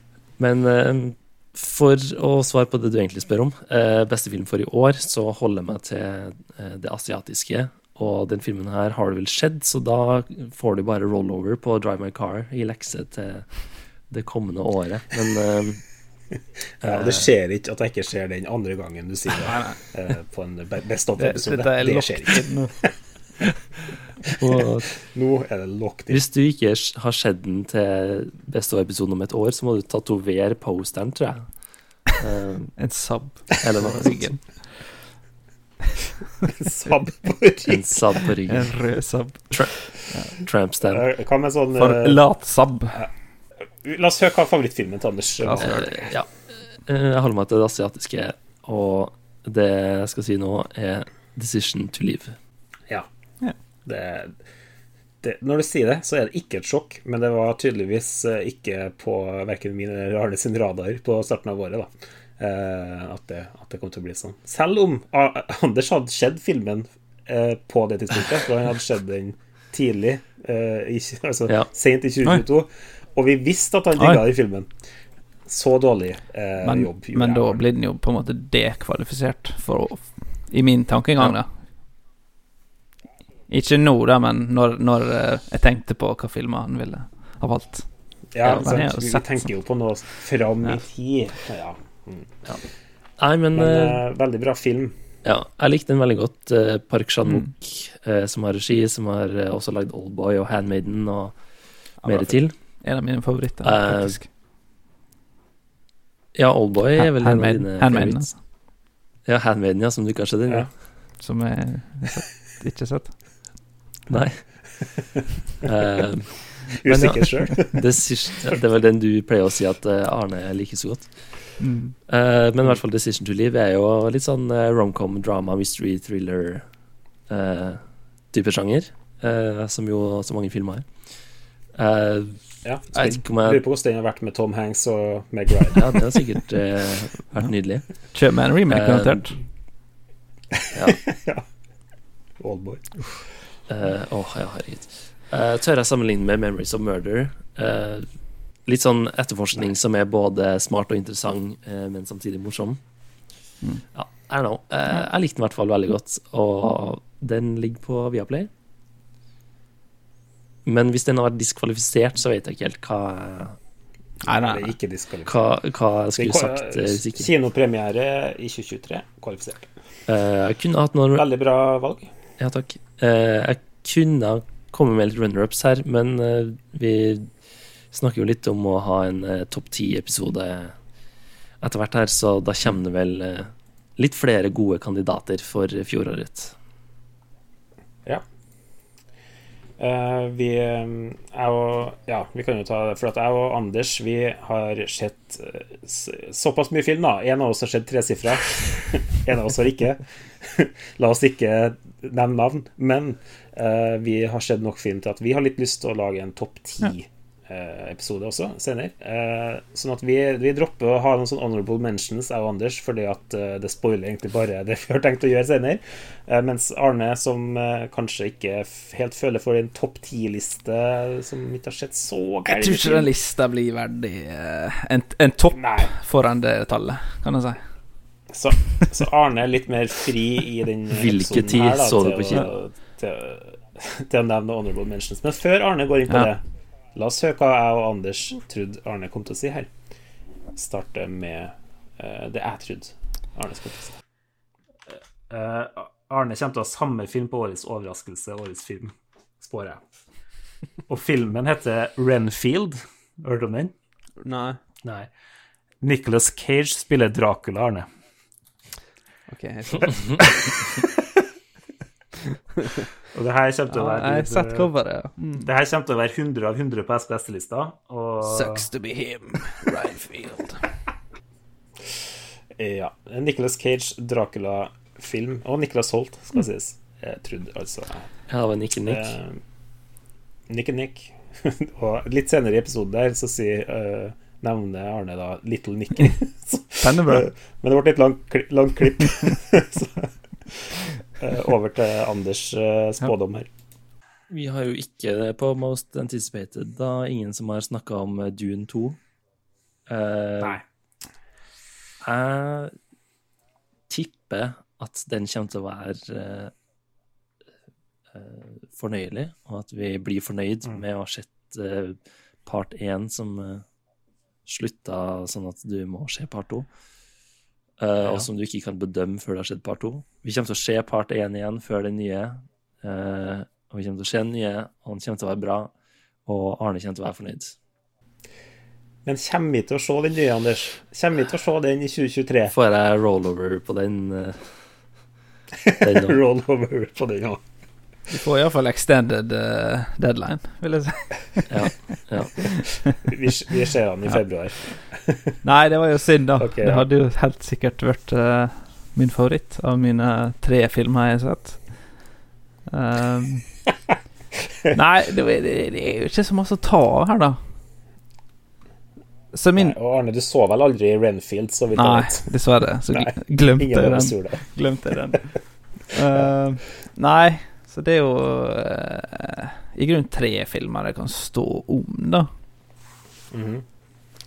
Så det, det, er jo imellom Oppenheimer, Banshees of Inisherin og Decision to Leave, som i grunnen var de eneste kompetente filmene som jeg så i dette året her.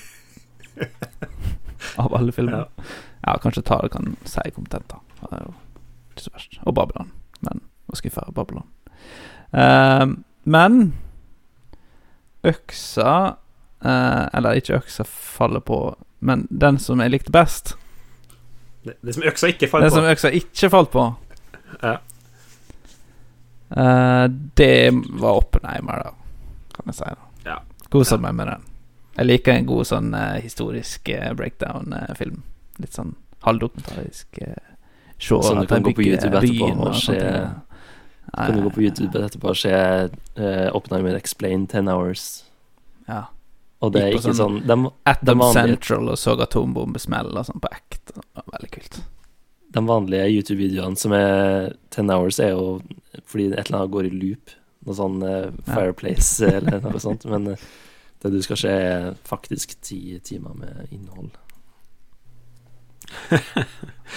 Jeg håper vi har lært noe her, da, Anders, eh, av Arne altså, For det, det, burde gå an å forutsi Oppenheimer på Arne. Men, ja. men selvfølgelig, Dune 2 var jo et innafor gjett, fordi at hadde den kommet ut, som Arne sier, så hadde det jo vært up there, mm. sannsynligvis.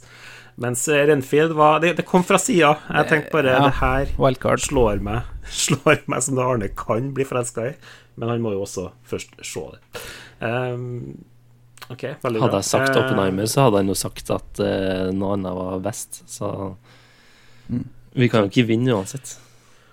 Nei. Når det gjelder meg, så har vi allerede hørt hva Anders uh, trodde jeg skulle ha. Det var Asteroid City. Uh, når det gjelder klippet fra Arne, så har jeg tenkt å vente litt med å spille av. Og det vil bli åpenbart hvorfor. Mm. Fordi min Min beste film i 2023 var en av de første filmene jeg så i 2023. Eh, jeg blir alltid litt lei meg når det er sånn, for jeg håper jo alltid at eh, den neste filmen jeg ser, skal være den beste. Men Fallende grad. Ja, det var litt sånn. Eh, men Banshees of Inisherin er min førsteplass. Det var jo en oppskriftsmessig film for meg. Altså, jeg elsker Colin Farrell og jeg elsker In Bruges og, og det her mørke, irske eh, verden vi befinner oss i i de filmene. Og komediske, bør jeg, bør jeg si. Så det er mørk humor, da. Og denne den her eh, plassen inni Sherien her, den traff meg midt i hjerterota. Jeg syns det var så bra karakterer. Og Barry Kagan, for å ta opp han igjen, gjorde en veldig bra siderolleprestasjon i mm. den filmen. En av de ja. mest minneverdige. Ja, han var med der med. Jeg glemte ja. Han var jo dritbra. Ja. Mm. Mm. Og jeg og Arne kosa oss i den pod-episoden, husker jeg, når mm. vi, eh, vi snakka om den filmen. For det var, det var veldig mye å, å, å like, da. Ja. Men eh, Det er et bra valg. Derfor har jeg lyst til Ja, det er et bra valg, ikke sant, Arne? Derfor har jeg lyst til å spille av det klippet her. La oss høre på det. Bra valg, må jeg si. Uh, på Daniel så uh, tror jeg at uh, Banshees kommer til å crashe. Ja, det er sant. Oh, ja. Oi. Ikke blir en favoritt. Den glemte jeg litt. Og så tror jeg at du kommer til å endelig innse at Dune 2 er din favoritt. jeg var så close. Men det var, det var, det var sarkasme, Daniel. Det var sarkasme, det der. Ja, det var jeg veit at Branches blir bra, da. Lett å være etterpåklok i spådommene. Miste, miste et poeng der, ja. Mm. Ja, mm. det, det, ble minuspoeng, det. Ja. Ok. Da skjønner vi sikkert hvor veien går Ja. Nå har vi kåra beste film, beste serie og masse annet ræl. Eh, og nå er det på tide å ta spådommene for 2024. Anders, hva tror du Arne sin favorittfilm i 2024 blir? Jeg må jo få rollover da på Dune 2. Eller eh, det er sikkert det som topper lista for Arne i 2029, da. Men uh, hvis den kommer ut, da, så, så kan det jo være. Men uh, for å si noe originalt som jeg ikke har sagt før, så Kanskje jeg må slenge meg på din Nick Cage uh,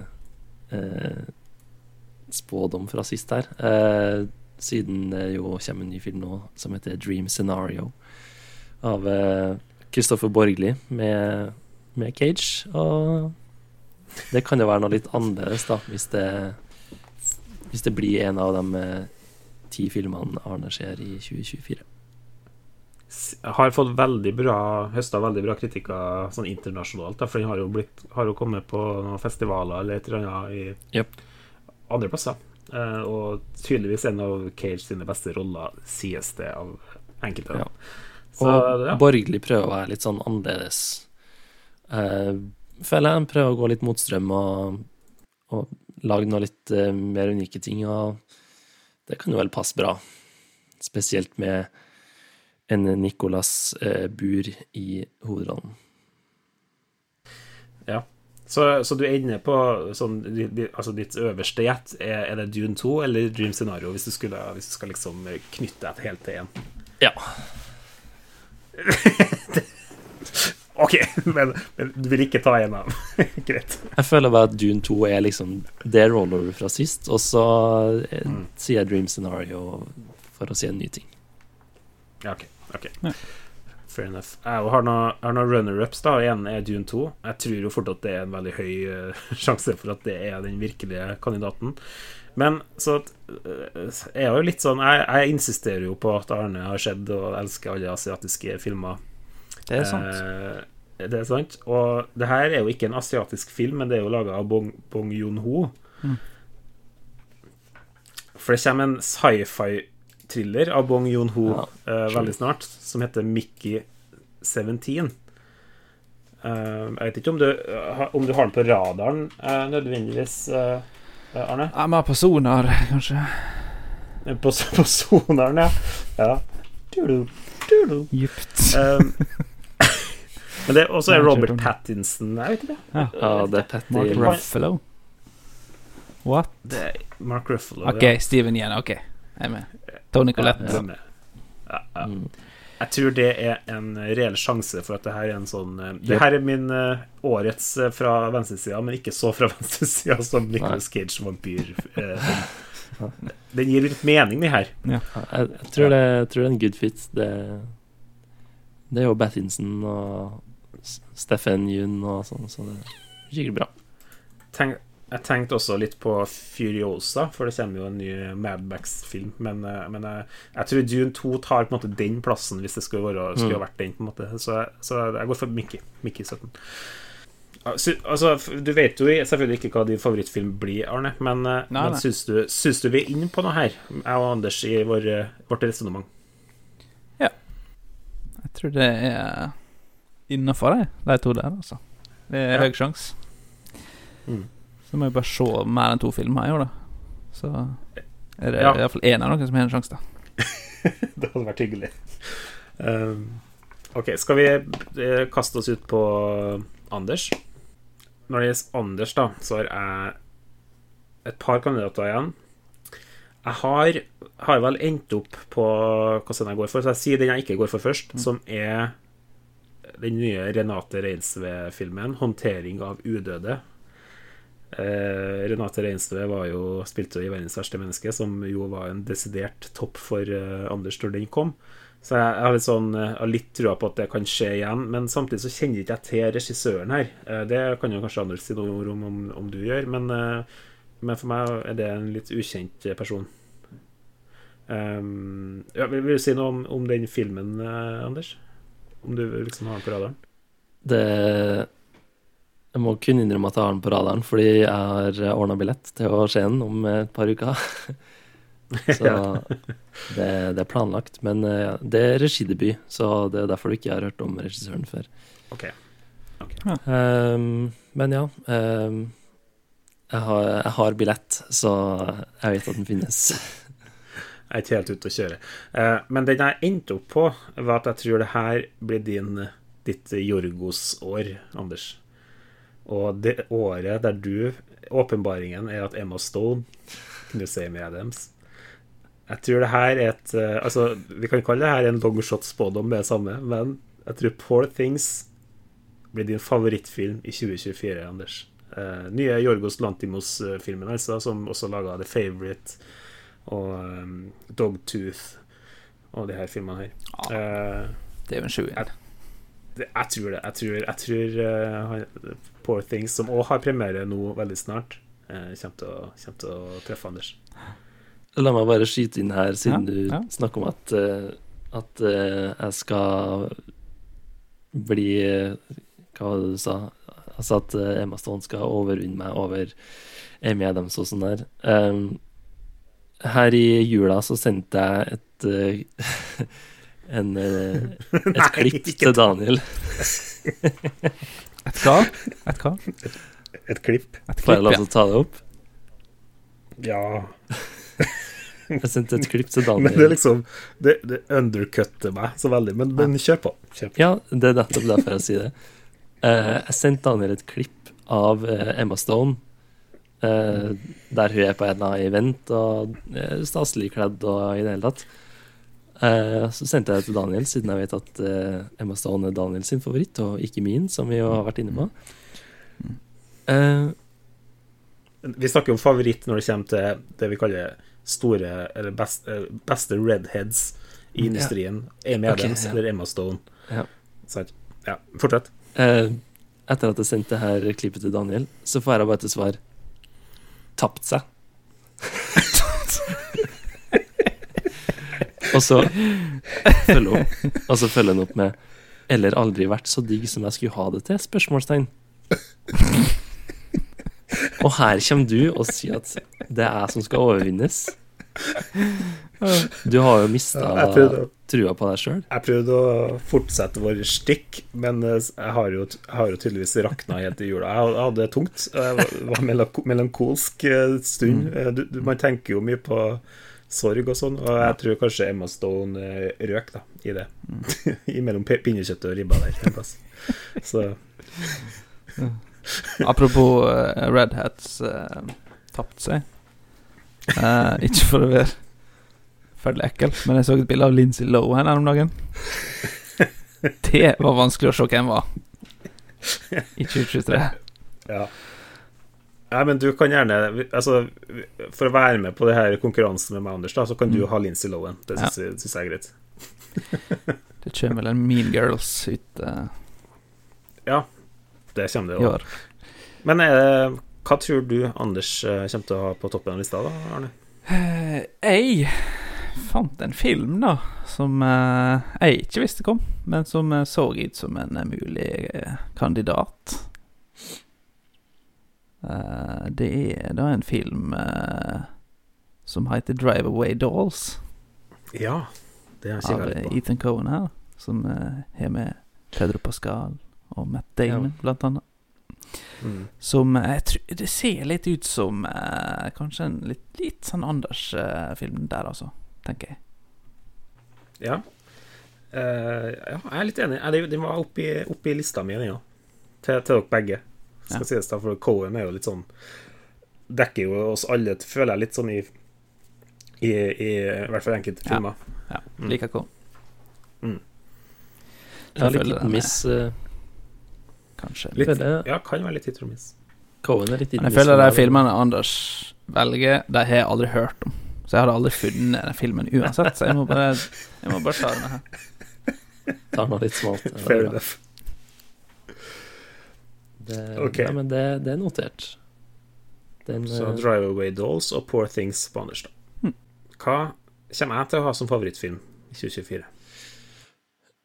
Vi har jo snakka om den, og bare for å For å liksom Ikke for å rippe opp for mye det med Stålen-greiene dine, men det er, jo, det er jo du som liker henne, ikke meg, så Jeg vet ikke, du, du liker Jorgos Nei, jeg liker Amy Adams, det har jeg alltid sagt. Det er du som har Emma Stone har tapt seg. Du liker Jorgos, du liker Emma Stone, du likte Favourite. Jeg trenger ikke si mer. Ja, jeg gjorde det. Nei, det gjør ikke det. The Lobster. Ja, du liker, du liker weed shit med Emma Stone, og det her er akkurat det det er. Mm. Saltburn er jo en sånn uh, Lantimos-film på crack, så jeg tror, jeg, tror det er, jeg tror det er noe i det. At det liksom Det fenger meg litt. Du pleier å erte med for at jeg liker sånn kannibalisme og sånn greier. Det er jo du som uh, tydeligvis har vært på Out on a Limb her og sett uh, Limbs. Slutt å, slutt å oute meg. Uh, ja, nei, Poor Things, det er nok en en eh, god kandidat å, å putte over på meg, eh, meg òg. Men, men, jeg står på at det, det her blir Anders sitt Emma Stone-år. Det er det jeg mener nå. Jeg har kjøpt billett til Portings også, da. Så den skal skje neste uke. Så uh, det kommer snart en rapport om den er en gyldig kandidat. Uh, jeg føler denne her er ganske trygg. Uh, jeg går for Beverly Hills Cop 4. elsker det. Jeg føler det, det. det kan ikke slå feil.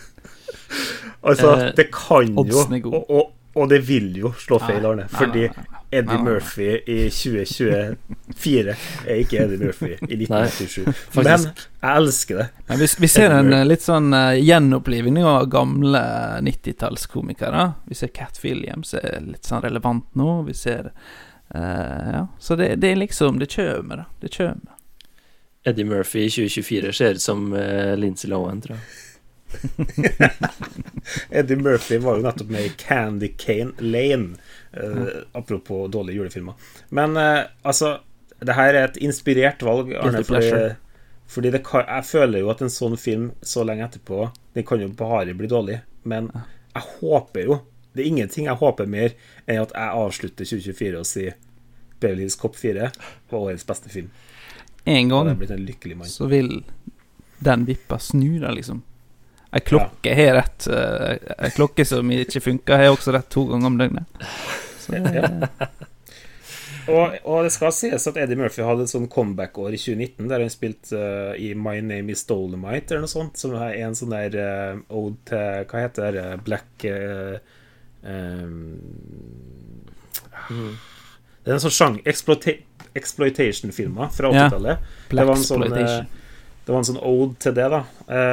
og den var, det var dritfet. Så mm. Eddie Murphy har gjort noe bra de siste fem årene. Håpet er ikke helt ut. Det, jeg tror det her kommer til å bli Jeg tror det her kommer til å bli en As Destroyed eh, shitty variant. Det blir Det blir eh, en ny film i noe kjent som Daniel liker. Uh, men som uh, Det eneste som mangler, er at Anders hadde foreslått uh, Bad Boys 4, som òg kommer i år. Som ja. jeg også har en forkjærlighet for. så det har vært en battle of the bitches. så det har vært spennende. Men, men ja.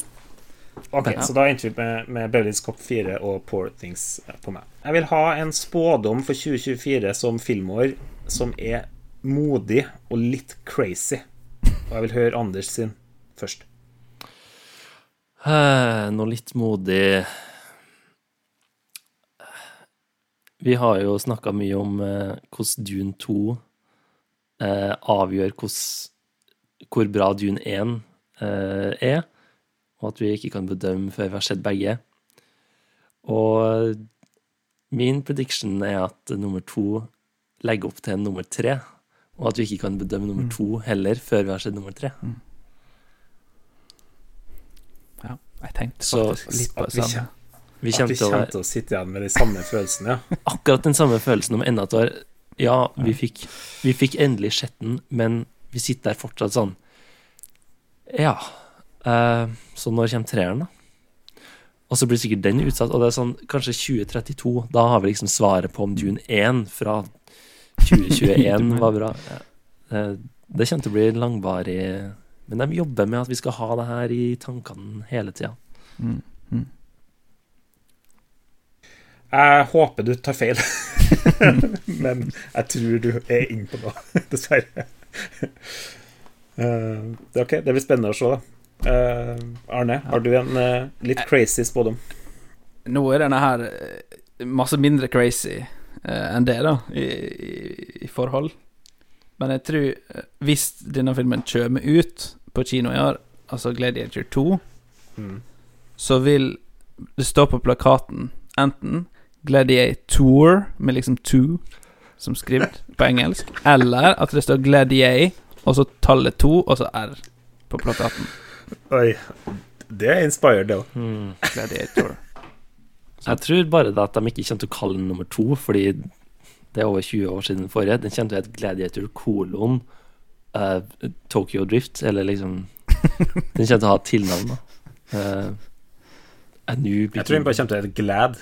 Glad. Glad 2. ja. Chad. Glad, Med Chad ro romerske numeraler. Nei, altså, hvis, uh, hvis Gladiator har en sånn cheesy 2006-komedieposter som det der, så blir jeg, blir jeg skremt. Jeg ble redd for uh, nivået på den filmen. Lov og håp. Lov og håp.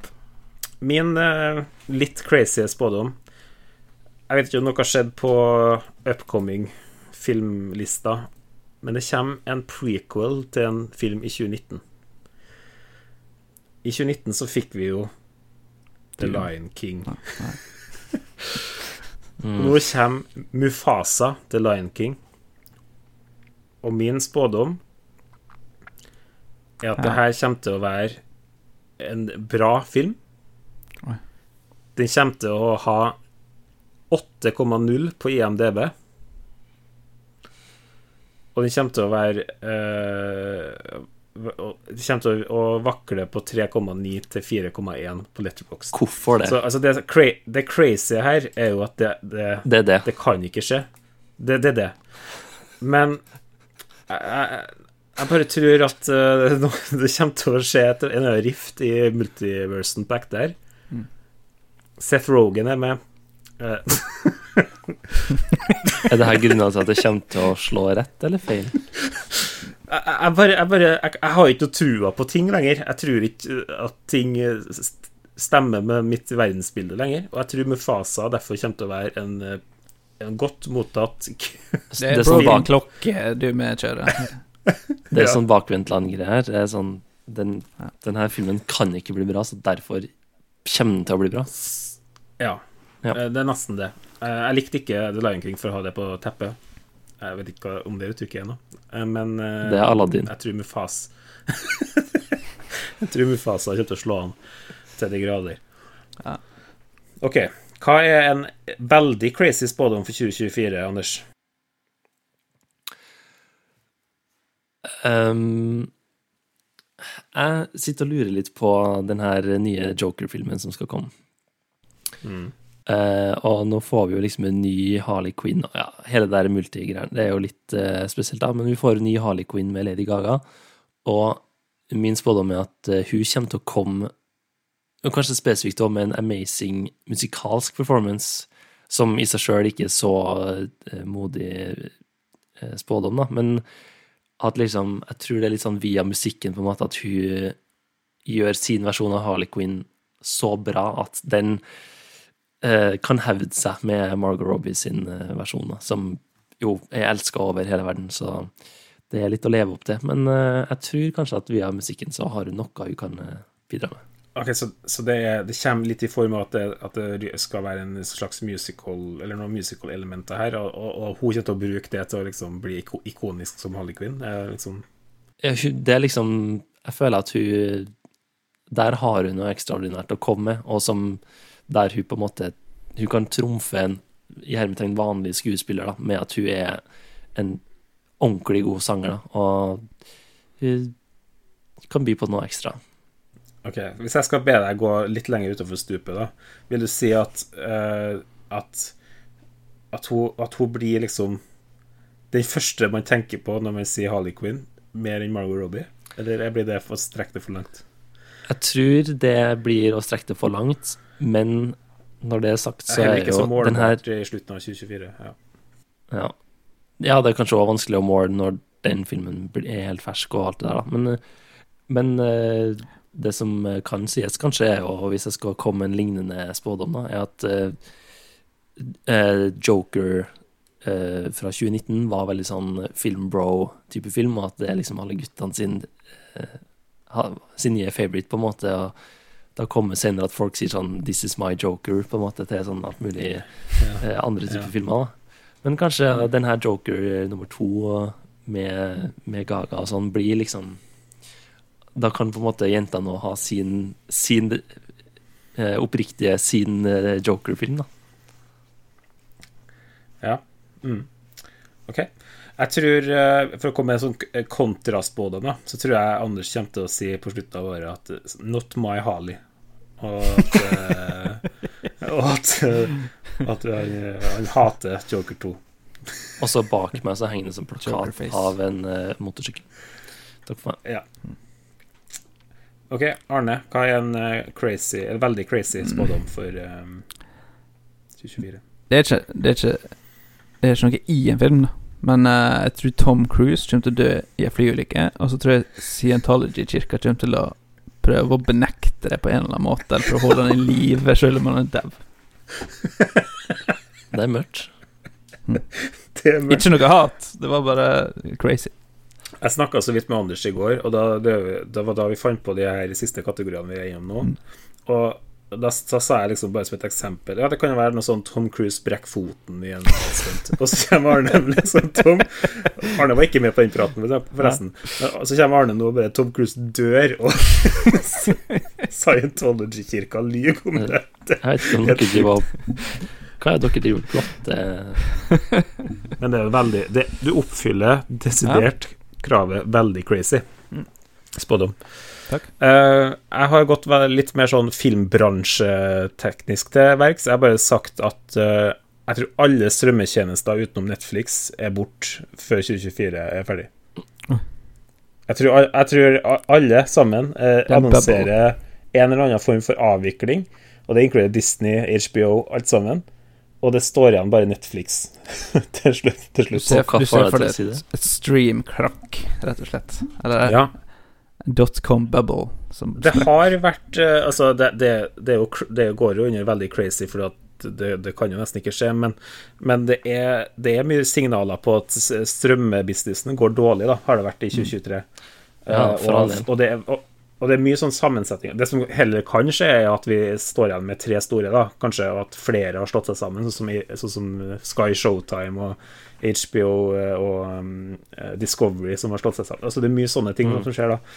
Men, uh, men jeg, jeg, ser for meg Det ser for meg en videre implosjon av den industrien. da, at vi, at vi, kanskje er tilbake til start. Men, men, for å strekke det litt langt, så ser jeg at alle strømmetjenester utenom Netflix går dukken. da Så får vi se. Den er bra, ja. Og så var det siste spådommen. Eh, det er en mer pod-relatert spådom. enn så hva syns du-relatert spådom. Eh, noe som kommer til å skje i pod-sammenheng eller med en av vertene eller et eller annet sånt. Eh, Anders, hva tror du Jeg skal si noe artig i 2024.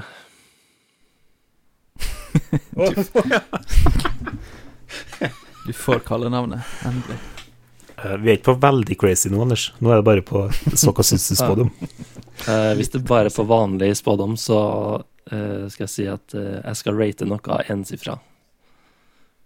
Oi, det var gøy. Noe lavere enn noe lavere enn 10 av 100, altså. Da må jeg si min etter det.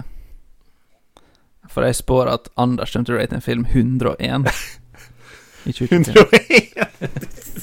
101! Den strenge skalaen. Vi kan uh, gjette på hva film det passer til. ja, det har dere allerede gjetta på, på en måte. Så. Ja. ja. OK. Uh, og min er også Anders-relatert. Oi. og det er Anders kommer til å snakke varmt om en Marvel-film. Uh, den er faktisk Telles Joker crazy. 2. Nei, Joker, uh, nei det, det, er også DC. Uh, ja, og, men, det, og Joker er liksom på et annet nivå. Eh, telles ikke. Det må være en sånn eh, Marvel-film, rett og slett. Og det kommer ikke ut så veldig mange i 2024. Det er kun Deadpool 3 som kommer ut. Men det telles også hvis vi på en eller annen vis opplever at Anders ser en gammel Marvel-film. Ja. Og, og, Anders, det er jo ikke så Altså, det er jo kanskje crazy, men du har jo innrømt, og vi kommer sikkert tilbake i, i, i videre episoder at du er på en slippery slope når det gjelder filmsmaken din. for, å, for, å, legge en tease til 2024 den, i sin helhet. Den slopen, den slopen, den er altså Ja, det er Det er når, når det, gradestokken ligger på rundt null, når det snør og blir plussgrader, men så fryser det igjen. Uh, og når du etter det uh, mister olje uh, på isen og så fryser det igjen, og så kommer det såpe på den frosne olja. Så slippery er den slopen. Ja, helt ja. enig. Eh, film og serie vi gleder oss mest til i 2024. Arne. Eggers. Eggers. Nosferatu. Ja. Eggers. Mm. Liker Eggers. Der kom vampyr. Skal vi ta serie som sleng, eller skal vi på ja. neste? Smelt det. Nevn, eh, nevn, det du har, liksom. Bare nevn alt du gleder deg til. Film eller serie. I grunnen eneste på serie det er True Detective. For det, ja. Få på meg True Detective. Sant det. For treeren var ganske bra. Toeren var også bra. Og eneren var veldig bra.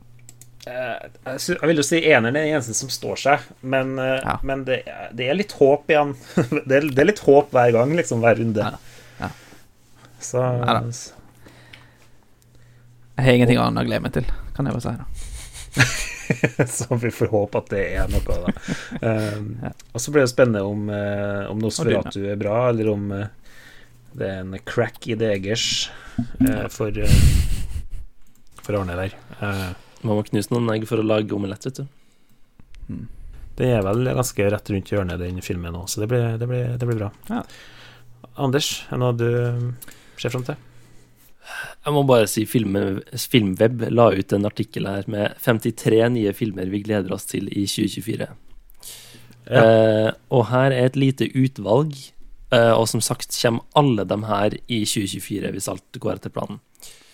Mm. Eh, og du snakka om Marvel og at eh, det er bare den eh, Deadpool, da, men de kommer jo også med, det kommer jo mer på en måte Marvel med den her Sonyverse-greien med Madame Web og Craven Hunter. Ja. Eh, vi får en Mean Girls-reboot, som er rett rundt hjørnet. En Pusur-reboot. Uh, ja, Pusur-reboot. Uh, John Wick spin-off. Uh, vi får mer Løvenes konge, som du snakka om. Vi får mer Ringenes herre. vi får blir bra. Mufasa blir bra. Ah, ja, ah. Vi får Dune 2, Beetlejuice 2, Joker 2, Twister 2, Smile 2, Gladiator 2, Inside Out 2, Quiet Place 3, Sonic 3, Deadpool 3, Kung Fu Panda 4, Ghostbusters 4, Bad Boys 4, King Kong 4, Grus med meg 4, Planet of the Apes 5, Mad Max 5, Transformers 8, så 11 og to nye norske krigsfilmer. Hva faen? Det er mye å glede seg til. Åh, det er døden det, det er døden både på Oslo S og på ja, Det er mye på fire. Nye Åh, Hva altså, skjer vi, vi, med originalen? Anders, vi, vi, trodde ikke når vi så marerittet i starten av 2023, men nå er vi altså her. Marerittet 2024. Ja, det er nettopp det. Det her var ikke alle engang. Jeg nevnte eh, f.eks. ikke eh, Skolen med de magiske dyrene 2 og Pjokken, Pjokken i flokken 2. Altså, det er en haug med oppfølgere. Eh, mye kritikk om de her nye krigsfilmene eh, i Norge, og som mm. Rune Langlo skrev i Resprint, hvor mange ganger skal vi senke Blücher? Eh, jeg føler at det, det var en bra ting å si. Eh, så jeg lurer også på hvor mange ganger vi skal senke Blücher. Det er jo dystert. Eh, det, det, du lister opp, er jo dystert. Men selvfølgelig for oss som uh, også har noen sånn go to-regissører og litt sånne ting, så er det jo ting å se fram til oppi det hele. Men det, men det er mye dystert når du, når du, ramser opp det der. Men, men, ja, gå til det du, det du ser fram til. Det var en uendelighet med sånne oppfølgere. Ja, men uh, av blant de her oppfølgerne så gleder jeg meg selvfølgelig til Dune 2 og Joker 2, som vi har snakka litt om. Um, og utenom det så jeg nevnte jo at jeg har eh, kjøpt meg billett til Portings og håndtering av UDD, så det er jo allerede uh, i kalenderen. Mm. Uh, og så tenker jeg at det skal skje nettopp mye over Fall, som nettopp har hatt premiere i Norge. Og Filmweb, Filmweb, skrev det her om Anatomy of Fall. fans, fans av Decision to Leave kan glede seg til enda en stemningsfull kan-vinnende film om hvorvidt en kvinne dyttet mannen sin utfor en høyde. Eh, det høres ut som noe du kunne ha sagt, Daniel, i en intro på en episode. Her, her snakker jeg om eh, hvor, hvor uoriginal vi er med å bare lage oppfølgere. Nå sier jeg at jeg gleder meg til en film som høres ut som akkurat det samme som den jeg nettopp sa at var årets beste. ja. ja, men jeg tror, jeg tror de filmene du nevner der, er innertiere for det meste. Uh, hørt mye bra om uh, samtlige, eller i hvert fall den Anatomy for Fall har jo fått masse, masse ja. bra reviews. Ellers uh, selvfølgelig May December, Dream Scenario, All of Us Strangers. Vært litt sånn ikke noe så mye snakk om den i Norge ennå, men det kommer vel kanskje når den kommer. Mm. Perfect Days, japansk greie. Challengers. Mm. Gadiaga nå eller hva heter det? Luca Gadanino eh, stemmer, og Zendaya. Så det blir spennende. Ja. Mm. For min del så er det eh, For å gå litt inn på det her oppfølgerstyret, da, så gleder jeg meg jo litt Jeg gleder meg jo faktisk veldig til Furiosa, for at uh, jeg syns jo med Max Fury Road var såpass bra at jeg, jeg, bare håper de klarer å holde et sånt momentum der. Og Dune 2. Det er liksom de to franchise Nei, Deadpool 3 Ti år siden Mad Max, da. Ghostbusters 4. ja, det er allerede Momentet er så godt. Allerede ti år eh, siden, ja. Og ja, momentet er kanskje dødt. Og det, og det er litt rar sånn recasting av karakteren til Anja Taylor-Joy. Jeg vet ikke om hun passer i en actionfilm. Vi får mm. se. Det er mye sånn eh, spørsmålstegn. Vi får se, da. Men, Nå har uh, Vi får se, da blitt et, uh, en, en, fast frase i familien Andersen. Det, jeg har innført det med min mor, så hvis det er noe som ikke er helt avklart, så kan selv hun finne på å si 'ja, vi får se, da, vi får se, da'. Det er bra. Det er så innflytelsesrik, Daniel. Ja, det er godt å høre. Jeg har også skrevet opp lista mi i Nosferatu. Vi har jo et litt sånn Eggers, uh, Eggers love i podkasten her, så det er på sin plass. Og øverst så er Alex Garland snart klar med sin nye film, uh, 'Eksmaken av regissøren' kommer tilbake med 'Civil War', heter filmen som eh, han kommer ut med. Og den har faktisk eh, paret Kirsten Dunst og Jesse Plemons. Det ble litt enticed av. Og Nick Offerman og ja.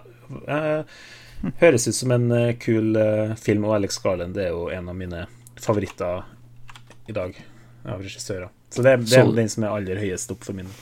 Så du Menn?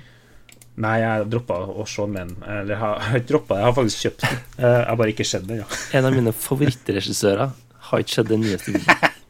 Nei, men jeg har kjøpt den, jeg har støtta den, eh, og så er den i biblioteket til en, eh, til en rainy day. Mm. Men, men, jeg har hørt at den ikke var helt på samme nivå som Annihilation og Eksmaken. Sånn at det er derfor jeg har avventa litt. Kanskje. Det er derfor du venter, ja. Men det er Jesse Buckley, så jeg joiner. Ja, Nei, men bra. OK, da da tror jeg vi er gjennom spådommene våre og uh, awardsene våre. Nå må vi da være ferdig. Det ble da bare en to timer lang podkast. Skarve to timer. Det er ikke noe å kimse av. Uh, Men jeg har en liten digresjon okay. på podkastfronten her. Ja. For jeg hørte noe sinnssykt For vi uh, satt og snakka om Heat på jobb. Ja. Uh, som er jo en uh, kjent og kjær 90-tallsfilm. Og så satt jeg og søkte litt på Heat, da. Og så fant jeg ut at de har laga en podkast om heat som heter One Heat Minute. Og da tar de filmen Heat, som er notorisk jævla lang, og så tar de og lager en podkast-episode per minutt av gangen. En episode per minutt.